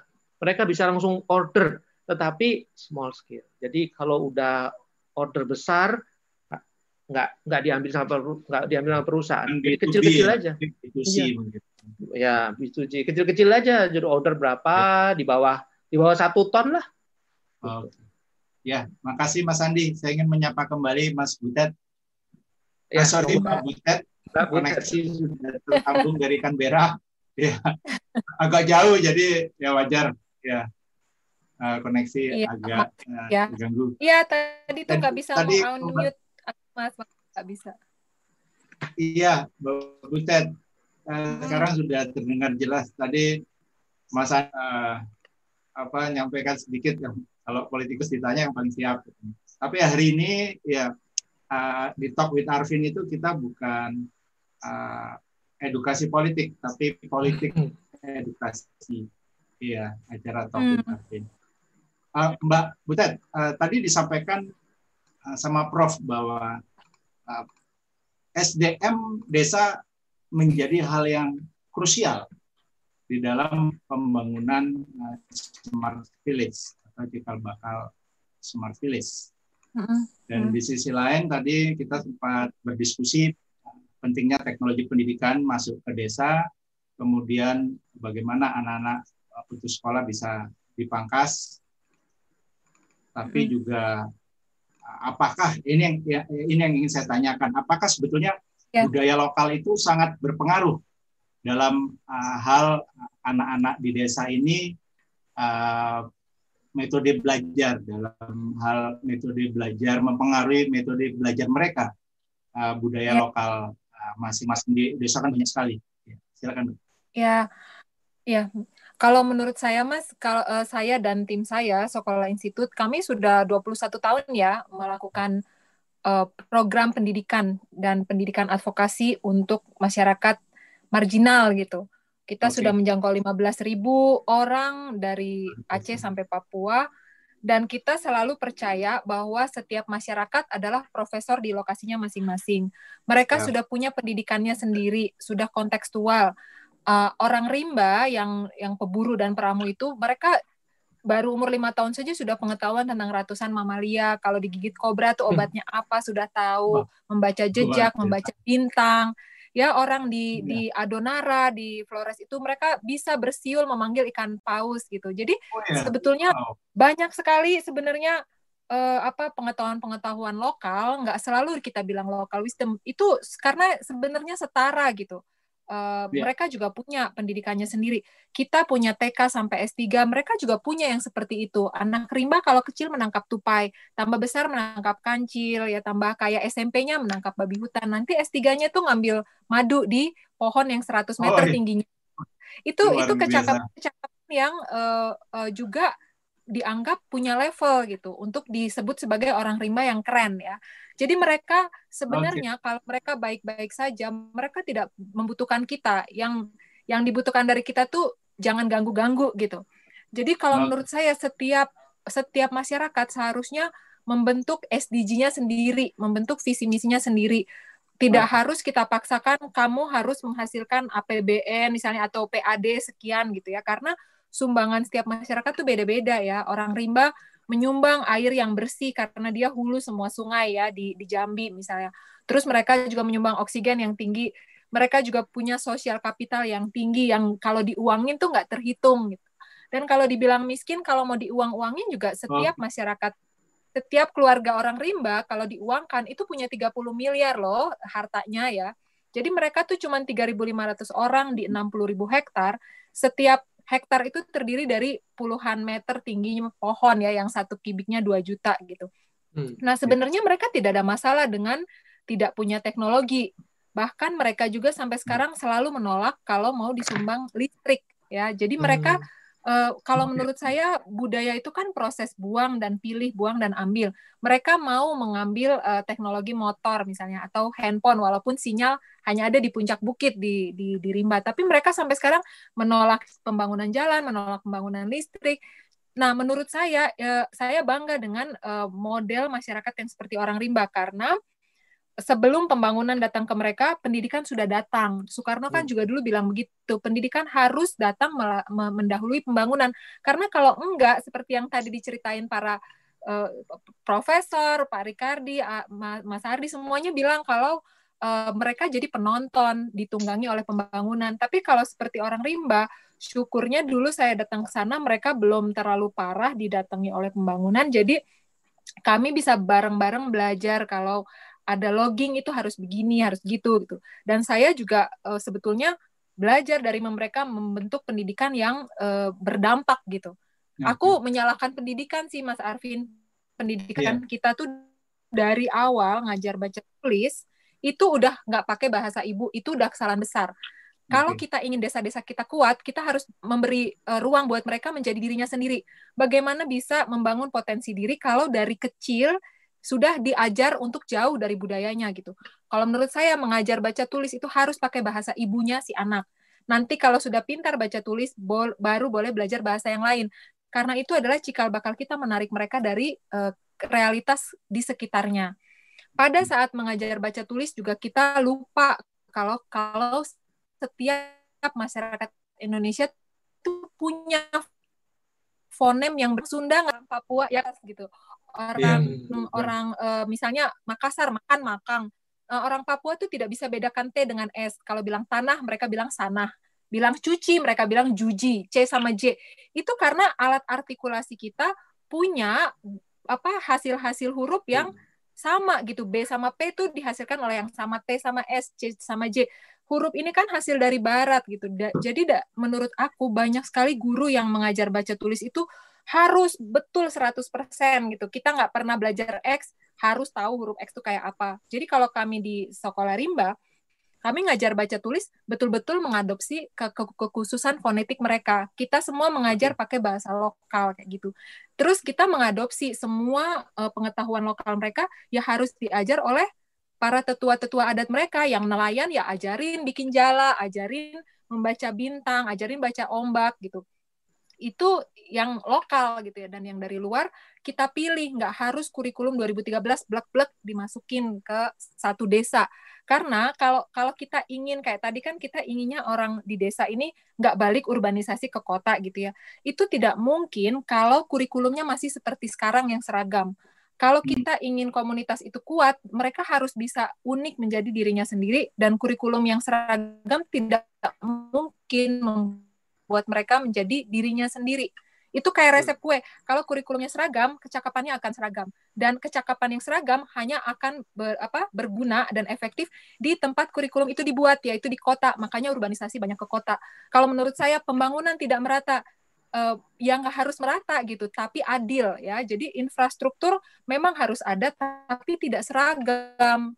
Nggak harus setiap pulau ada jalan tolnya, harus ada kereta apinya tapi mungkin misalnya kayak nelayan mereka lebih perlu kayak potong potong apa marketnya. Misalnya dikasih market yang lebih benar dikasih bibit yang organik atau pendampingan untuk mengatasi terumbu karang yang rusak bom bom ikan di, diusir. Itu itu sih mas. Terus pendidikan kita juga tidak mengajarkan kemampuan yang sesuai dengan potensi alam sekitarnya.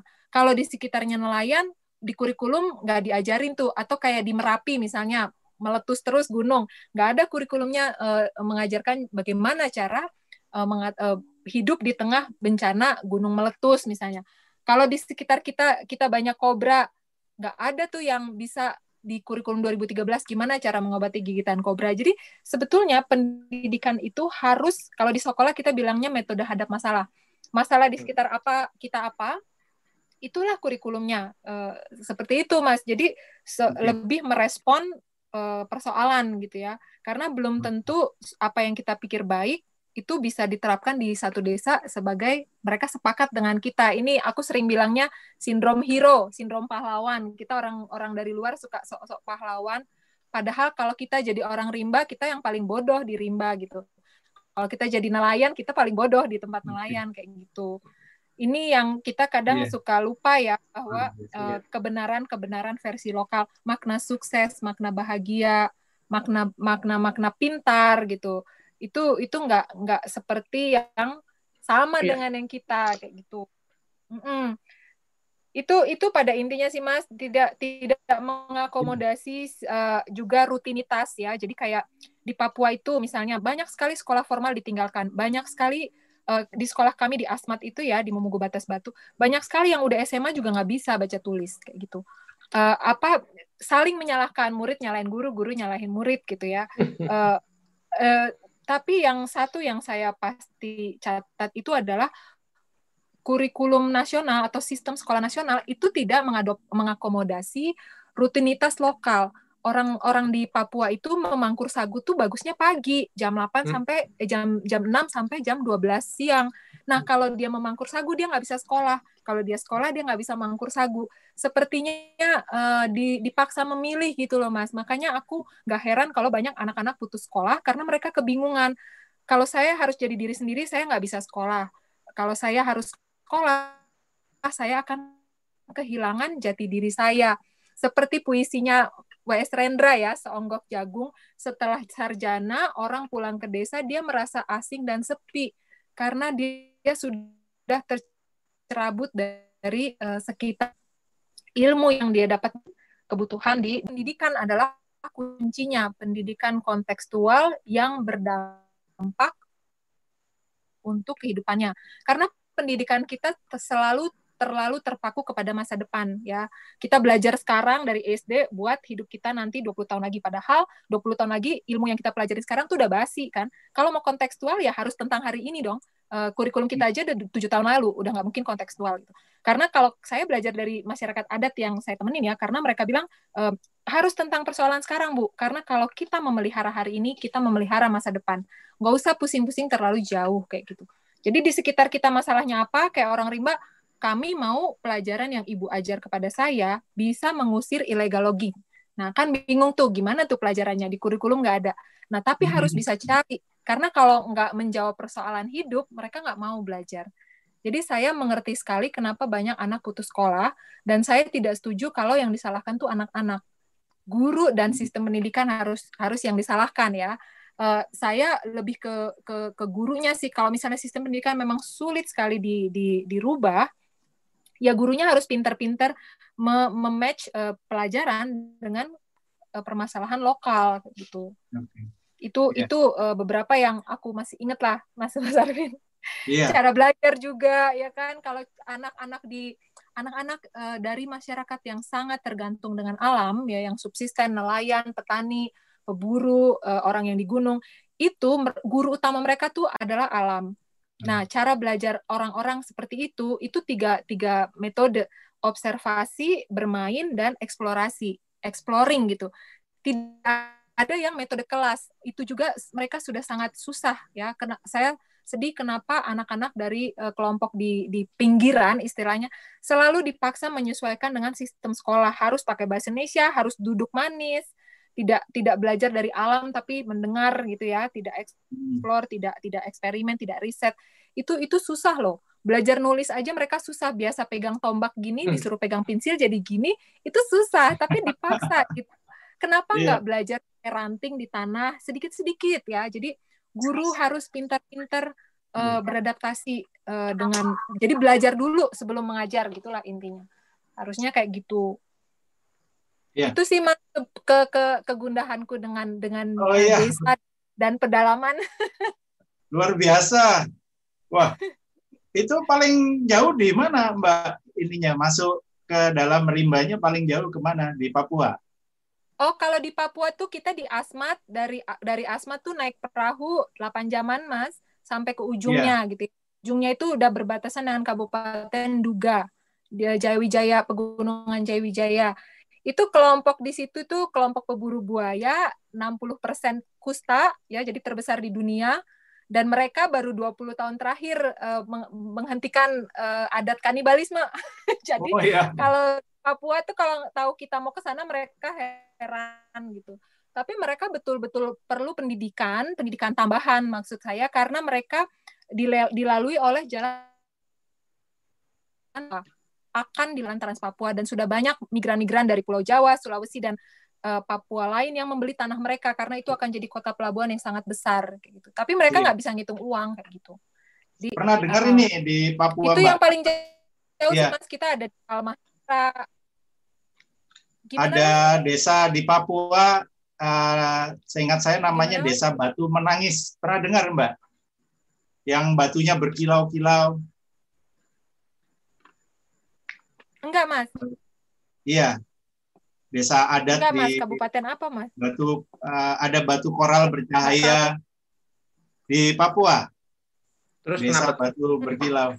Nah, hmm itu itu kalau menjadi desa wisata seperti yang disampaikan Mas Richard tadi mungkin bisa menjadi desa dunia tapi pada saat peradaban dunia masuk ke desa apakah uh, apakah uh, siap gitu ya ya mem, uh, dampaknya seperti apa nanti kira-kira kalau menjadi desa wisata katakanlah ada sebuah hmm. desa rimba kita convert menjadi sebuah desa wisata, apakah itu akan berdampak? Apakah Nanya mereka aku, kalau menurut mereka aku ya willing? Iya, apakah mereka uh, uh, mau? Karena salah satu uh, smart village adalah desa wisata katakanlah. Sedangkan ya. desa wisata kan semua orang luar masuk kan, semua orang ya. luar masuk. Iya, aku tadi melihat uh, pengkategorian desa gitu ya, itu kan kategori kita ya. Mungkin yeah. mereka melihatnya tidak demikian gitu. Mungkin hmm. mereka melihatnya justru sangat tidak mau didatangi orang luar misalnya walaupun mereka punya uh, banyak potensi. Kalau menurut aku itu hak mereka ya. Ini nah. ada ada kan prinsip yang namanya FPIC ya, free prior informed consent gitu. Jadi mereka harus memberikan restu. Kita bisa saja datang ke sana mem, ya mem, mem, menceritakan semua dampak yang akan terjadi positif, negatif segala macam kalau mereka mau atau tidak mau gitu. Tapi uh, kembali lagi kalau menurut saya itu hak mereka. Itu kan uh, warisan dari nenek moyang mereka kepada yeah. mereka. Okay. Mm -hmm. Jadi vokasi yang local needs ini saya ingin tanya ke uh, rekan kita hari ini sosiolog dan Prof Prof uh, Prof IT Prof. Marsudi uh, disampaikan tadi sama Mbak Butet uh, vokasi yang mungkin saya pikir lebih local needs ya. Pada saat kita mengembangkan smart village jadi mereka sebetulnya cukup belajar apa yang ada di lokasi mereka. Ya sumber daya alamnya sumber daya kreatifnya uh, itu saja yang mereka pelajari kemudian kita, uh, mereka berkembang. Prof uh, apakah kira-kira ada permodelan lain atau permodelan baru ini untuk desa-desa yang mungkin saya nyebutnya bukan desa tertinggal ya karena mereka Eh, memiliki eh, karakternya sendiri.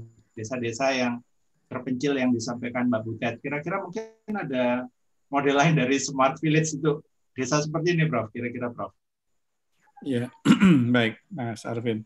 Jadi prinsipnya kalau kita sebut smart village itu tadi definisi yang saya sebutkan di awal tadi. Jadi tidak tidak harus itu penuh dengan warna kecanggihan teknologi, tapi sebuah desa yang bisa melihat Eh, melakukan sensing atau mengindra lingkungannya seperti apa, kemudian bisa melakukan pengukuran bagaimana, kemudian melakukan analisis dan kemudian melakukan respon. Responnya bisa beda-beda. Sebagai contoh begini, ada satu salah satu inovasi smart village di yang kaitan dengan smart city misalnya, karena di daerah yang sudah maju, sudah ada sinyal di mana-mana, maka panic button dibuat dengan bentuk aplikasi di telepon seluler. Jadi kalau ada masalah tinggal pencet aplikasi di HP. Tapi di satu desa di yang saya kembangkan misalnya di Boyolali misalnya karena di sana sinyal itu tidak ada gitu ya maka solusinya bukan pakai aplikasi solusinya pakai kentongan gitu kita hidupkan oh, lagi kentongan itu gitu. Jadi ya, eh, kalau semuanya harus eh, harus ini. Jadi sebagai contoh begini, saya ambil contoh misalnya eh, guru itu kan harus smart ya. Tapi begitu dia mengeluh, bagaimana saya harus ngajar online sementara nggak ada sinyal, tidak ada ini. Ya, itu namanya tidak smart. Kalau orang kalau smart itu bisa menyelesaikan masalah sesuai dengan eh, kondisi dari lokalnya. Jadi apa yang disampaikan Mbak Butet tadi sangat valid bahwa eh, biarlah desa itu berkembang banyak dalam konsep kami itu ada lima tipikal desa yang mungkin mungkin di, yang belum ada itu tipikal desa yang yang eh, apa tipikal desa sebagian Mbak Butet tadi ya. Uh, Indigenous people ya. ya. Saya mungkin maunya sederhana ya nggak apa-apa biar saja. Yang penting masyarakat itu kan uh, apa ya uh, taraf hidupnya itu meningkat. Taraf hidup itu kan bukan hanya dia diukur dari ekonomi, kebahagiaan misalnya. Kalau masyarakatnya sudah bahagia kondisi seperti itu, ya pilihlah dia seperti itu. Jangan misalnya masyarakat Tengger misalnya. Janganlah karena kemudian karena ada ini kemudian budaya di Tengger itu dirusak dengan segala macam teknologi. Dan ini terjadi nih banyak di Bali banyak daerah-daerah yang kemudian karena kemajuan teknologi dengan uh, banyaknya turis asing akhirnya budayanya jadi rusak gitu. Nah itu juga menjadi uh, apa uh, bahan Jadi yang namanya smart village itu tidak bisa semuanya sama. Okay. Smart village saya kebetulan salah satu uh, jadi yang disebutkan Mas Andi itu smart city itu konsep itu yang tidak dipakai oleh pemerintah Indonesia. Pemerintah Indonesia punya konsep sendiri yang kebetulan yeah. saya merancang ya.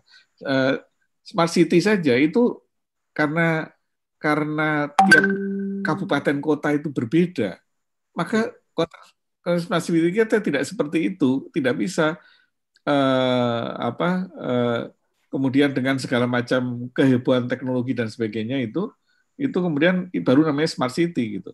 Di Kulon Progo misalnya, bagaimana Pak Pak Bupati Pak Asto menyelesaikan meningkatkan taraf hidup masyarakatnya dengan tanpa teknologi di sana. Pertanyaannya di dihidupkan, kemudian Bela dan beli Kulon Progo dan seterusnya. Itu sudah pendekatan sebuah pendekatan smart city. Tidak harus mencontoh Banyuwangi yang wifi di mana-mana, yang ada apa segala tidak harus seperti itu. Biar saja masing-masing tumbuh uh, apa dirinya sendiri. Ini yang uh, jangan seperti konsep pendidikan di Indonesia ya. Pendidikan Indonesia itu anak pinter itu kalau IPA-nya 9, matematik 9, bahasa Inggris 9 di pinter padahal nyanyi suaranya kayak saya kan atau main basket nggak bisa. Sementara ada anak yang pinter main basket tapi matematikanya jeblok dibilang anak bodoh. Nah, itu kan salah gitu ya. Yang namanya ya beda-beda. Masing-masing itu punya keindahan sendiri-sendiri dikelupaslah keindahannya itu. Gitu. Uh, Luar biasa, Prof. Nah, terima kasih, Prof. Terima kasih. Saya ingin menanyakan rekan kita dari UI, sosiolog yang banyak uh, meneliti desa. Tentu kita tadi bicara uh, teknologi dalam kehidupan ini kan hal yang uh, tidak bisa dihindari lama-lama uh, akan masuk ke semua uh, semua pelosok sampai bahkan sampai area remote pun ya akhirnya berkembang berkembanglah sebuah uh, open system. Ya masyarakat ini kan sudah open system sebetulnya. Nah kira-kira dengan open system masyarakat tadi terus tadi Mbak Butet cerita ya ini kan uh, apakah akan merubah perilaku uh, fungsional ya daripada uh, masyarakat desa terpencil tadi? Kira-kira bagaimana menurut uh, Mas Ricardi, Pak Dr. Ricardi. Baik, ya. terima kasih uh, Mas Arvin. Uh, saya uh, memulai uh, memulai dengan ini uh, menambahkan atau memberikan catatan dari Mbak Butet tadi. Pada dasar saya setuju ya. Jadi modelnya pendidikan itu kan yang namanya uh, mungkin kalau Mbak Butet sudah setuju dengan istilah local wisdom, tapi paling tidak uh, knowledge-nya mereka setempat itu juga harus diperhatikan. Dan juga kita jangan memaksakan apa yang menurut kita baik tetapi mereka mungkin tidak membutuhkan. Jadi termasuk juga dalam pembangunan-pembangunan tentunya kita adalah juga melihat ya mereka butuhnya apa itu salah satu ya bagian yang penting. Uh, tapi meskipun demikian katakan masyarakat rimba tadi atau mungkin juga masyarakat masyarakat desa adat tertentu uh, yang memang tidak membutuhkan model pembangunan atau model pendidikan seperti yang kita lakukan di uh, selama ini yang dikenal secara umum. Uh, meskipun demikian tidak semuanya ya, kita tidak apa artinya mengabaikan proses pendidikan atau pengajaran kepada mereka. Misalnya hmm. kalau berkenan dengan hal-hal peradaban uh, universal ya atau kemanusiaan yang universal tentunya harus kita ajarkan. Misalnya dan harus kita ini kan kita didik mereka. Misalnya tadi kan contoh di Papua tadi ya. Sebelumnya yeah. mereka kanibal atau mungkin di di Kalimantan masih ada yang dulunya tradisi mengayau ya. Nah, ini kan uh, bertentangan nilai dengan nilai peradaban atau kemanusiaan universal ya. Nah, tentu saja hal ini yang perlu kita inikan, uh, perlu kita ubah. Dan kedua adalah masalah ini yang juga mungkin masih pertanyaan kita, kasus kembali kepada Papua. Apakah mereka itu memang perlu atau tidak perlu dididik untuk meninggalkan koteka ya? Jadi mereka itu eh, dalam aktivitas sehari-harinya dipaksa menggunakan uh, celana atau pakaian gitu ya.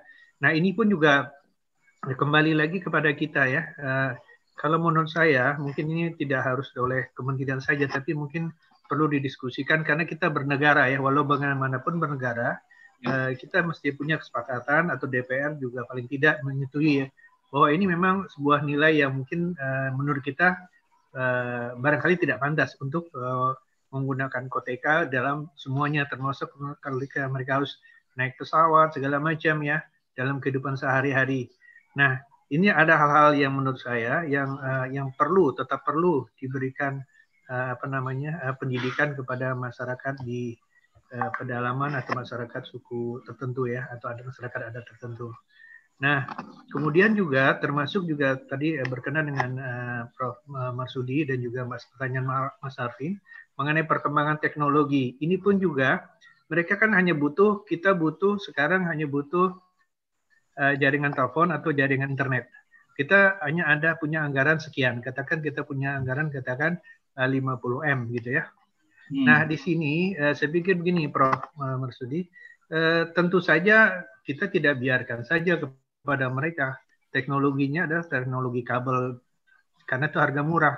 Tidak dong. Kita yang mungkin uh, Prof. studi yang IT ini harus dengan uh, fiber optik karena langsung bicaranya uh, future ini sudah obsolete jadi kalau mesti tetap di uh, sesuai dengan keinginan atau pemikiran mereka, saya pikir uh, tentu kita harus memberikan uh, saran, kita harus memberikan proses edukasi dan juga apa namanya uh, pendampingan kepada mereka. Kalau hanya dengan jaringan kabel uh, biasa, ya ini sudah ketinggalan, ya. Nah, saya pikir uh, itu uh, Mas Arvin. Jadi yeah. ada hal tertentu yang memang kita harus justru kita harus uh, punya tanggung jawab ya Nanti percuma mereka habis uang 50M, 2-3 tahun lagi sudah obsolete. Ya. Terima kasih, Dok, Pak Dokter. Ya, saya ingin tanya konsultan menurut pandangan konsultan ya. Tadi kalau kita bicara smart village ini kan banyak sekali komponen integrasinya. Iya. Dan kita mendapat pemandangan baru dari Mbak Butet bahwa Ya. Salah satu komponen penting justru adalah uh, mungkin saya sebut dengan sistem kebudayaan ya. Sistem kebudayaan yang menjadi salah satu poin penting juga di dalam membangun integrasi uh, smart village ini. Jadi menurut uh, pemandangan Prof tadi smart village ini bisa menjadi berbeda-beda perspektif akhirnya. Bagaimana Mas Andi kira-kira menerapkan sistem kebudayaan ini apakah uh, um, apakah ada stakeholder khusus? Misalnya kampus uh, Mas Ricardi menjadi uh, apa, pemeran untuk apa ya sebagai pusat pembudayaan nilai daripada desa ya, yang disampaikan tadi mengenai koteka dan sebagainya tadi. Ya kira-kira uh, seberapa penting dan seberapa uh, seberapa uh, jauh kita harus menerapkan sistem kebudayaan di dalam komponen desa uh, smart village, desa cerdas ini. Uh, kalau saya ya Mas Arvin, kalau digabungkan smart village-nya itu smartnya jangan ke teknologi. Kalau smartnya ke teknologi ya kita bisa lihat uh, yang tadi Mbak Butet bilang orang di Papua ya teras nggak smart dalam arti tidak punya teknologi. Waktu saya bantu Pak Profesor Yono Surya tuh dulu di Surya Institute itu kita mengajari sekolah-sekolah di banyak banyak kabupaten. Nah, yang diajarkan ya materi yang di pusat, yang edukasi modern ya, nggak ada bagaimana cara menghadapi ular atau malaria, enggak. Tapi bagaimana cara menghitung matematik, bagaimana fisika, hmm. kimia, biologi, itu semua nggak dipakai, yeah. di mayoritas nggak dipakai di di desa. Jadi begitu udah SMP, orang tuanya bingung, ini anak nggak bisa kerja di ladang, tidak bisa bantu orang tuanya di uh, berburu atau berternak. Jadi biasanya diambil lagi. Nah itu paling sampai dengan SMP, SD, SD aja paling, SMP juga paling. Nah kalau yang udah sampai SMA, mau ke mana mereka? Nah itu menjadi menjadi kasus juga. Ya, uh, kasus jadi kalau tadi dan satu lagi contoh di Bali Bukankah orang ke Bali itu karena budayanya yang hebat? Artinya budaya aslinya yang luar biasa. Orang akan appreciate di dunia.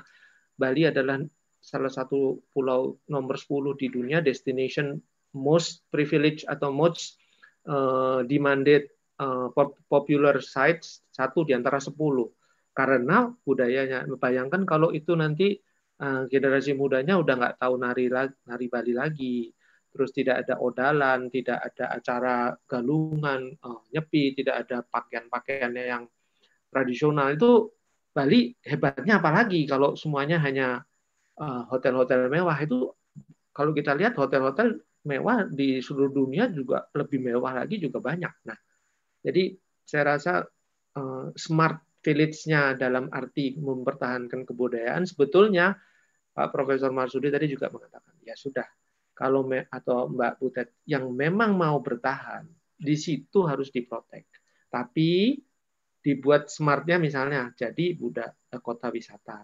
Nah, cuma pertahanan kebudayaannya ini yang sulit karena ngomong antara ngomong dan kenyataannya juga beda. Mas Arvin tahu sendiri di Bali generasi mudanya sampai sejauh mana mereka terpengaruh sama turis kan di Papua juga demikian. Waktu saya ke Tolikara, saya kami mendatangkan sembilan negara ke sana. Anak-anak mudanya juga mulai, waduh, ini ternyata di dunia ada kayak gini ya. Ternyata di Jakarta itu kehidupannya seperti ini. Nah, bayangkan kalau mereka nanti pindah ke Jakarta, nanti juga mereka juga senangannya seperti apa. Nanti mereka ke sana ceritanya juga seperti apa. Nah, jadi demand-nya jadi berbeda. Yang mereka mau, yang tadinya mau membangun desa, jadi nggak nggak betah loh kadang-kadang nggak ada internet hiburan nggak ada jauh dari mall wah nggak ada mobil nggak ada gitu nah ini ini ini yang berat mas jadi tapi tadi satu nih ah, kata-katanya kalau mau bahagia di situ harusnya ya seperti itu dong di, di, dikembangkannya seperti orang Baduy dalam bahagia sekali mereka hidup di kampungnya kan nah gitu Demikian sih ya. input saya. Terima kasih semoga, Mas Andi. Sesuai tema hari ini, semoga Smart Village uh, Indonesia 2033 sebagai tahun keseimbangan baru Indonesia, Smart Benar. Village bisa menjadi uh, pilar uh, peradaban bangsa. Ya, tentunya kembali lagi kepada uh, kekuatan uh, local wisdom masing-masing. Ya. Nah, saya ingin kembali ke Mbak Butet. Mbak Butet, saya jadi teringat sebuah cerita dulu waktu saya kecil. Ya, ada orang Minang masuk sumur di Jakarta, kemudian minta tolong teriak taraje taraje tangga ya kalau nggak salah artinya tangga tangga. Yang dengar Mas Andi dari Jakarta. Taraje taraje terus jadi dibantu.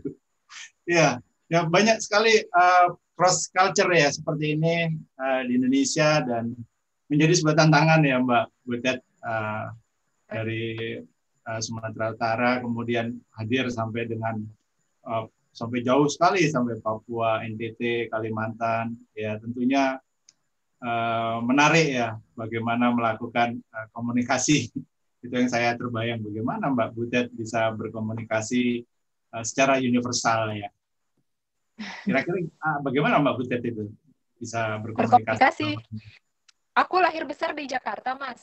Yeah. Tapi aku bisa ngomong Batak ya. Jadi kalau setiap ke lokasi, ya semua gurunya belajar bahasa pas di lokasi. Waktu dulu okay. saya ke Rimba tahun 99, itu saya belum bisa bahasa Rimba. Dan orang Rimba nggak bisa bahasa Indonesia. Saya uh, cari-cari satu orang yang bisa bahasa Indonesia kebetulan laki-laki ya jadi saya ikutin dia terus saya coba bikin kamus tapi kemudian uh, sempet tuh beberapa jam kemudian istrinya datang bawa tombak mau bunuh saya katanya saya mau ambil suaminya jadi Wah. itu itu beberapa tantangan sih jadi uh, belajar kalau kita sendirian kita akan lebih cepat belajar. Kalau kita punya teman, kita uh, jadi switch terus gitu. Jadi tambah tambah lama belajar bahasanya. Saya juga belajar semuanya, Mas. Saya belajar makan makanan mereka, saya belajar berburu, belajar pasang jerat. Saya saya belajar manjat pohon karena paling iya. ditakutin yeah. di rimba tuh beruang. jadi kita sering oh, dikejar hmm. beruang Uh, uh. Nah kayak kayak tadi cerita Pak Ricardi tuh soal soal koteka gitu ya. Ini juga balik lagi sih. Saya dulu waktu pertama ke Rimba juga berpikir kenapa kok orang Rimba pakai pakai cawat gitu. Kok nggak nggak yeah. mau iya. pakai celana sih? Nggak malu apa kayak gitu ya. Tapi saya datang dengan atribut pecinta alam, tahu kan yang apa celananya kantongnya banyak banget, topi rimba, pakai kompas, pisau segala macem. Nah, begitu dikejar beruang, saya nyangkut-nyangkut, masuk masuk ke sungai, celana saya jadi berat, sepatu saya ketinggalan, topi rimba saya nyangkut, nyangkut di semak gitu. Nah, yang pakai cawat udah naik pohon gitu. Jadi saya terus ngelihat bahwa ternyata eh, cawat adalah teknologi canggih di rimba. Itu sesuai dengan tuntutan alam sekitar gitu. Itu itu ada eh, itu baru satu hal ya. Jadi dari hari ke hari saya 9 tahun dulu intensif di rimba jadi dari hari ke hari saya belajar semakin mengerti bahwa semua yang terjadi di di pedalaman itu masuk akal kalau kita memang uh, live in ya melihat uh, ini kan salah satu metode andalannya antropologi itu metode etnografi ya satu-satunya metode yang menggunakan perspektif lokal dalam menilai sesuatu gitu. Nah, kalau kita menggunakan metode itu, dan saya rasa ini penting untuk budaya Indonesia yang beragam, kita jadi bisa melihat sesuatu itu masuk akal kayak gitu. Hmm. Kayak di, di di Papua tuh dulu ada program dari Jakarta Dharma Wanita Departemen mana tuh mengganti minyak babi uh, dengan sabun.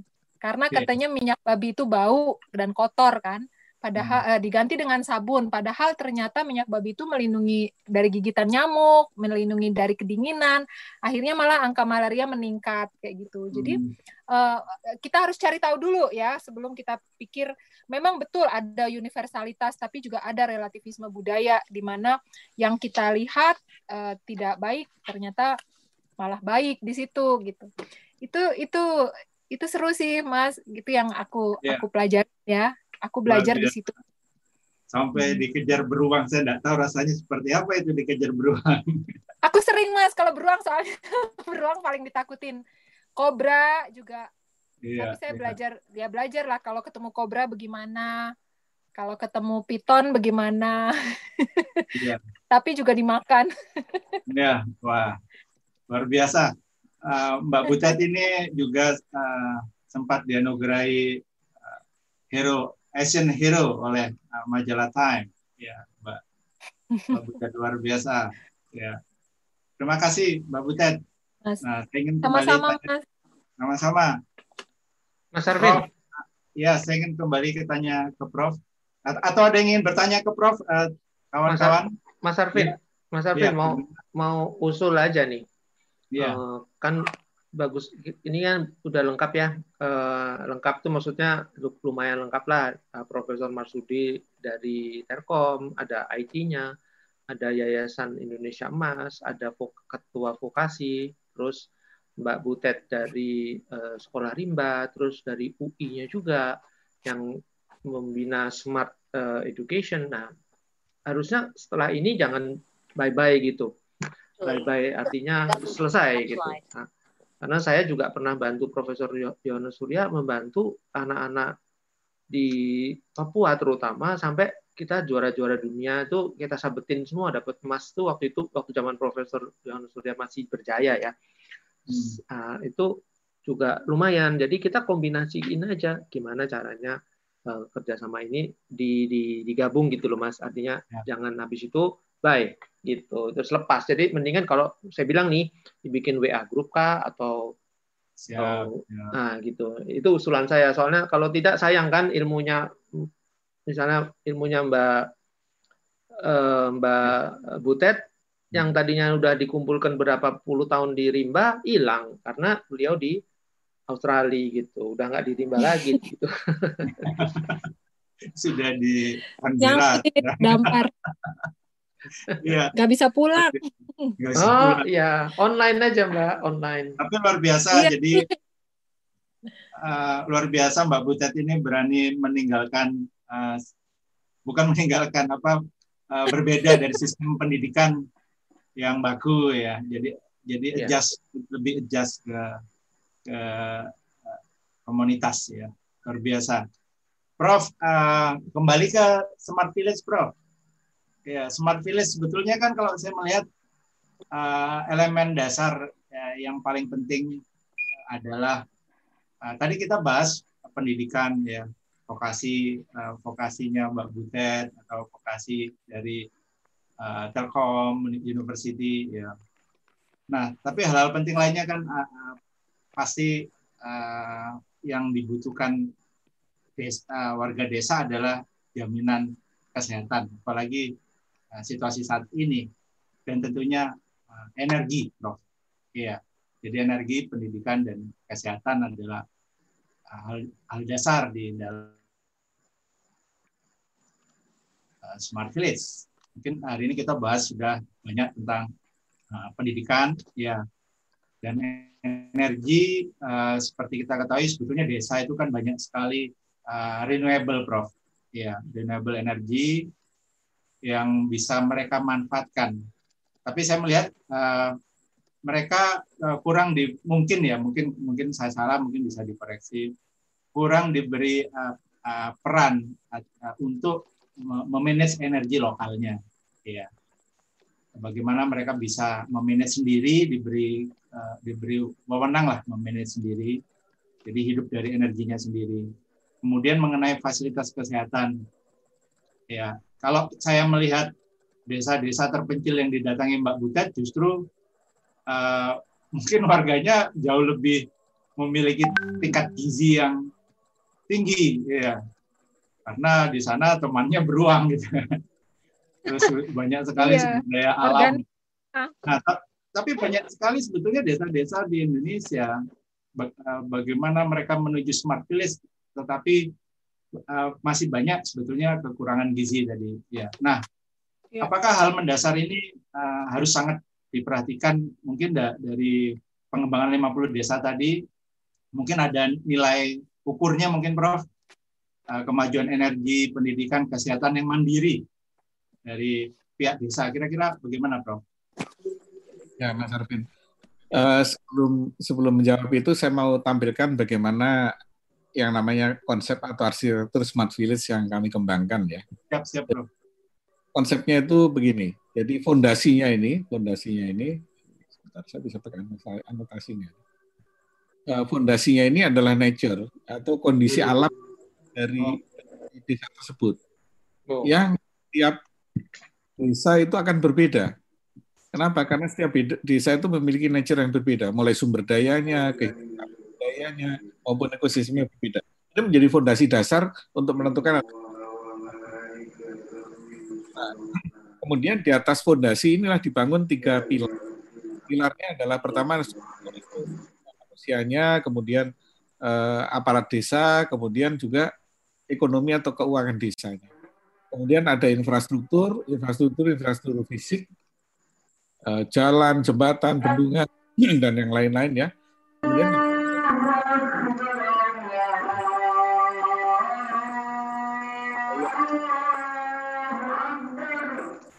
mohon yang tidak bicara di silent gitu. Nah, jadi infrastruktur digital ini menjadi juga penting. Nah, tapi karena Telkom, saya di Telkom nanti saya fokus di digital ya. Kemudian yang ketiga adalah infrastruktur sosial yang dibicarakan oleh uh, eh, Dr. Ricardi tadi kan sebetulnya infrastruktur sosial termasuk cara seperti ini. Ini ini menjadi pilar yang kedua. Pilar yang ketiga adalah suprastruktur itu adalah bagaimana juga karena kita hidup di sebuah negara ada peraturan perundang-undangan yang tidak bisa dilanggar, ada peraturan macam peraturan kita harus jadikan pilar yang ketiga, kemudian hubungan antar lembaga, dan yang ketiga adalah bagaimana enforcement terhadap segala macam yang sudah dilakukan. Nah, puncak dari yang namanya smart village itu ada di atapnya ini, yaitu culture. Oke. Okay. Apakah masyarakat itu sudah punya budaya smart? misalnya tidak buang sampah sembarangan. Pun saja dia desanya tidak maju, tidak perlu dengan kehebohan teknologi, tapi bersih, eh, lingkungan terjaga, eh, gizi terjaga, kesehatan terjaga. Itu adalah budaya di situ. Ya, termasuk di situ tradisi, ya, eh, preservasi terhadap tradisi, kemudian inovasi-inovasi yang harus ditambahkan untuk mengenhance tradisi tadi. Dan yang ketiga adalah interaksi antar manusia di sana. Bagaimana antar manusia di sana itu lebih menghargai pluralitas, kemudian bagaimana ramah sehingga puncaknya itu bisa diukur dari meningkat meningkatnya kualitas hidup dari warga tadi. Itu adalah ada berapa parameter yang diukur? Ada sembilan sebetulnya di dalam bentuk radar. Saya nggak punya ada uh, gambarnya di sini. Ada di situ ada indeks kebahagiaan. Indeks kebahagiaan itu tidak selalu kaitan dengan ekonomi gitu ya. Uh, hmm. yang bahagia itu tidak selalu kaya kan begitu nah jadi ini yang menjadi puncaknya. Dan ini kalau di ini dalam arsitektur smart village kita itu yang fondasi itu menjadikan capability. Jadi desa itu capability-nya apa? Itu yang jadi fondasi ini ini menentukan capability. Kemudian pilar-pilar ini adalah yang akan mendukung uh, smart village apa yang harus kita bangun. Kemudian atapnya adalah yang merupakan performance dari smart village tadi yang nampak dari tiga hal ini tradisi, inovasi dan interaksi. Nah, eh, karena saya di Telkom tadi kan banyak bicara Mas Andi bicara mengenai telekomunikasi itu data 2016 sudah lama sekali itu ya. Setiap bulan saja berubah ya. Jadi data terbaru untuk infrastruktur telekomunikasi ini seperti ini. Ini juga menjawab sampaikan oleh eh, Pak Dr. Ricardi tadi mengenai kabel tadi ya. Jadi Telkom itu punya jaringan komunikasi ada dua yang satu fiber optik, yang satu lewat udara. Yang melalui anak perusahaan kita namanya Telkomsel. Nah, jaringan fiber optik itu sudah seperti ini. Jadi sudah menjangkau hampir kalau Indonesia semuanya ya, tapi eh, kira-kira eh, kapasitasnya sudah sudah hampir semuanya ada ini. Ini jaringan IndiHome yang menggunakan fiber optik. Memang mayoritas di Jawa ya. Eh, jadi kita lihat di sini daerah-daerah yang tidak terjangkau dengan fiber optik itu tinggal kira-kira ya masih ada separuh lah ya, terutama di daerah-daerah hutan yang rumit, yang sulit-sulit. Kenapa? Karena fiber optik itu kan eh, harus ditarik kabelnya itu. Kadang-kadang ada daerah tertentu yang tidak mungkin kabel fiber optik itu ditarik. Misalnya di daerah Papua, daerah, daerah pegunungan itu nggak mungkin kita narik kabel fiber di sana. Kalaupun dipaksakan ya. harganya akan sangat mahal gitu. Nah itu kemudian kita pakai solusi yang lain yaitu radio. Jadi menggunakan jaringan 4G yang sebentar lagi kita ke 5G ya. Nah, ini jaringan fiber optik dulu. Nah, kalau jaringan 4G eh, sekarang itu sudah posisinya seperti ini. Dari 83.200 sekian desa itu yang belum terjangkau dengan uh, jaringan 4G itu uh, tinggal kira-kira 12.000 desa. Uh, tiga, hampir 13.000, 12.000 desa sekian lah ya yang belum. Nah, targetnya tahun ini itu akan selesai semua. Jadi akhir tahun ini Desember ini semua desa di Indonesia itu semuanya ada sinyal 4G. Dan kalau nanti Telkom itu sudah masuk ke 5G, akan masuk migrasi ke 5G. 5G itu kecepatannya hampir sama dengan fiber optik, bahkan melebihi fiber optik. Dalam kasus tertentu kalau kalau dekat dengan repeater akan lebih cepat dari jadi gambarannya 5G itu 100 kali lebih cepat dari 4G kita sekarang lah. Kalau sekarang kita pakai 4G, 5G itu nanti 100 kali. Nah ini kita lihat, jadi eh, tinggal 13.000 desa. Nah 13.000 desa itu eh, yang 10.000 akan selesai tahun ini. Tahun yang 3.000 mungkin belum. Kenapa? Karena listriknya nggak ada. Jadi kalau listrik nggak ada, ya eh, bukan Telkom nggak bisa apa-apa di sana. Kita pasang tower, tapi nanti nggak ada yang pakai juga uang listrik aja nggak ada. Iya. Dan dan ini bukan hanya di Jawa loh ya. Tadi saya cerita eh, eh, desa di Karanganyar yang kami jadikan pilot project yang pertama untuk smart village itu betul-betul nol, nggak ada sinyal di sana. Sehingga hmm. Telkom pasang tiga tower di sana. Jadi ada tiga tower dipasang, meskipun di sana yang pakai juga nggak banyak gitu ya. Tapi karena Telkom ini BUMN, kan ada fungsi sosial ya, jadi bukan hanya komersial. Kalau provider yang lain pasti nggak ada yang mau. Uh, nah, jadi kalau kita lihat di ini uh, sinyal 4G ini posisinya sekarang sudah mencapai di eh, 84 atau 85 persen lah dari seluruh seluruh Indonesia. Jadi kemudian yang yang 3T itu masih ada 20 ribu ini tapi sudah tercover 11 ribu tinggal 9 ribu yang belum yang belum ini karena tadi tidak kebanyakan tidak ada listrik. Tapi kalau yang non 3T ini sudah semuanya tinggal enam persen yang belum yang akan selesai tahun ini. Sehingga diharapkan yang non 3T ini akan semuanya sudah selesai. Kemudian yang 3T yang ada listriknya itu akan ada sinyal. Sehingga eh, ini adalah gambar yang belum terjangkau 4G, masih ya kelihatan biru-biru ini banyak ya. Sumatera masih ada tiga persen, Nusa Tenggara 5, Kalimantan 17, Papua masih 52. Nah, solusinya apa? Solusinya adalah satelit. Makanya Telkom sekarang punya anak perusahaan namanya Telkomsat, itu pakai satelit. Jadi eh, nanti komunikasi itu ada terestrial melalui fiber optik dan melalui eh, apa namanya melalui 4G atau BTS tower, ada lagi yang celestial. Celestial itu melalui satelit. Nah, jadi nanti satelit yang dulu sudah diabaikan, ditinggalkan oleh bangsa kita akan kita hidupkan lagi. Dulu kan zaman Pak Harto dulu kan ada satelit Palapa yang menyatukan Indonesia.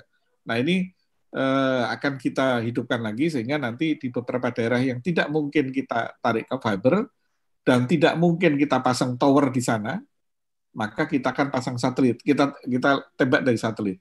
Karena teknologi satelit sekarang juga sudah begitu maju, kecepatannya sudah hampir sama dengan fiber optik juga.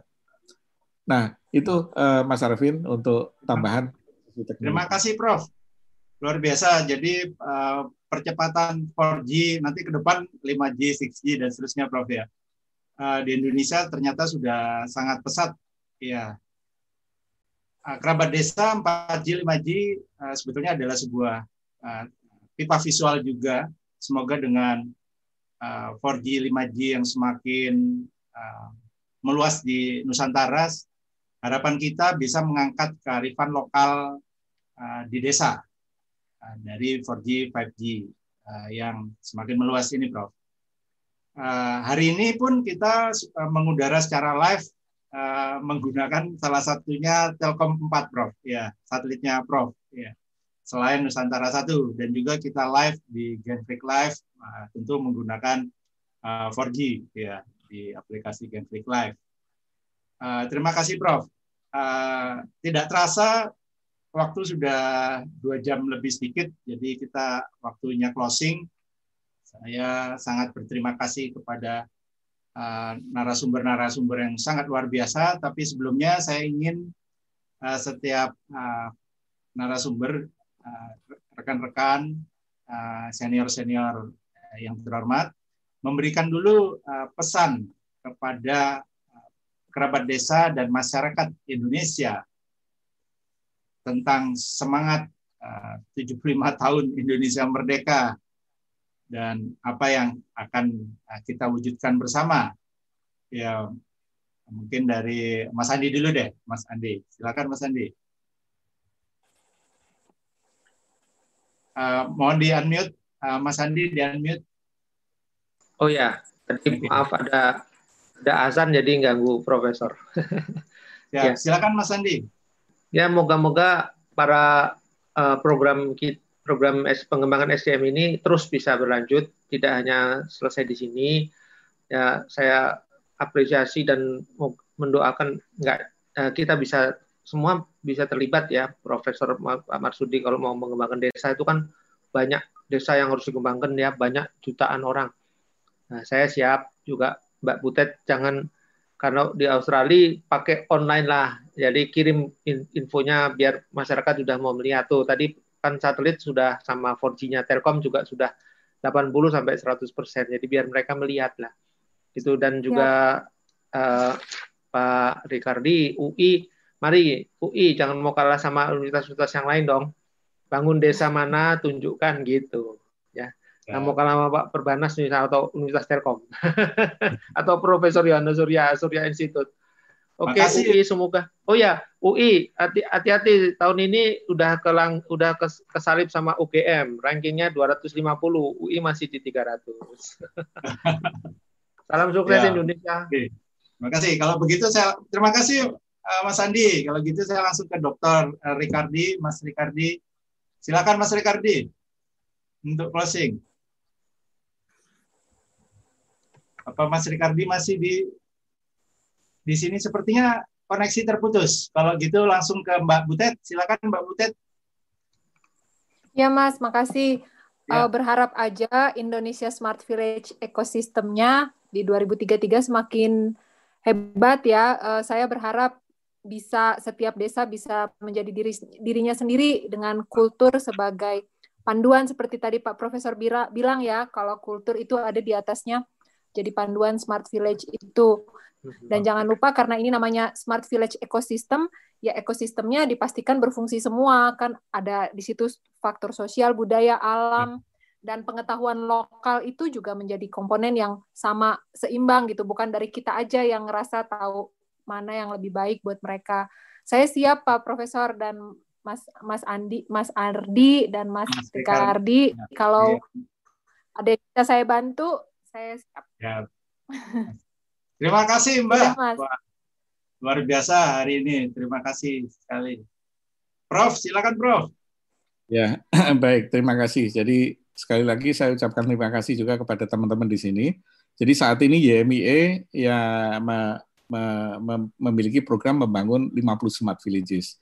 Jadi kalau teman-teman ingin bergabung, wah saya senang sekali itu karena memang melibatkan banyak uh, stakeholder ini termasuk kampus-kampus. Jadi uh, Pak Ricardi tadi kalau UI mau terlibat silahkan karena yang lain sudah ini uh, Unpad sudah Pancasila, UGM, UNS semuanya sudah pada ambil bagian tinggal UI yang memang nanti harus ikut di mana gitu.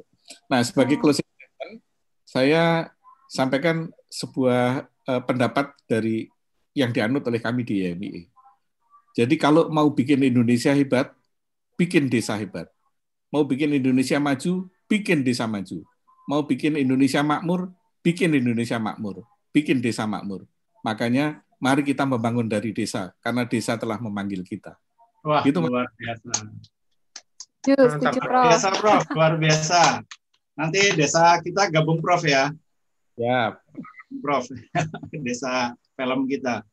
Terima kasih Prof. Luar biasa uh, kehadiran Prof hari ini uh, dan Mbak Butet, Mas Andi, Mas uh, Ricardi dan uh, para kerabat desa yang budiman dan tercinta. Tidak terasa waktu sudah habis, sudah usai. Hari ini kita mendapat uh, banyak pengetahuan baru dan pencerahan baru. Indonesia 2033, 88 tahun merdeka adalah uh, titik balik keseimbangan Indonesia menuju 100 tahun Indonesia merdeka. Saat ini adalah saat pandemi. Tentunya kita tidak boleh berputus asa dan adalah waktu yang paling tepat untuk melakukan transformasi global Tentu transformasi global kita butuhkan terobosan-terobosan dan inovasi-inovasi. Salah satunya adalah membangun smart village sebanyak mungkin. Tanpa terobosan dan inovasi, kita hanya mencapai transformasi semu atau kembali ke masa yang lalu atau di bawahnya. Karena itu, mari eh, kita bersama-sama saat inilah melakukan banyak terobosan dan inovasi untuk segera bertransformasi. Terima kasih uh, para narsum, narasumber, senior-senior yang terhormat, luar biasa hari ini. Kita akan uh, jumpa lagi pasti. Saya rasa nanti uh, secara ya ya Mas Andi tadi menyampaikan secara offline. Terima kasih sekali lagi. Kerabat desa, di seluruh Nusantara. Sekian dulu untuk hari ini. Kita jumpa di Talk with Arvin minggu depan. Terima kasih. Wassalamualaikum warahmatullahi wabarakatuh. Om Santi Santi Santi Om. Salam sejahtera. Namo budaya, salam kebajikan. Terima kasih Mas Arvin.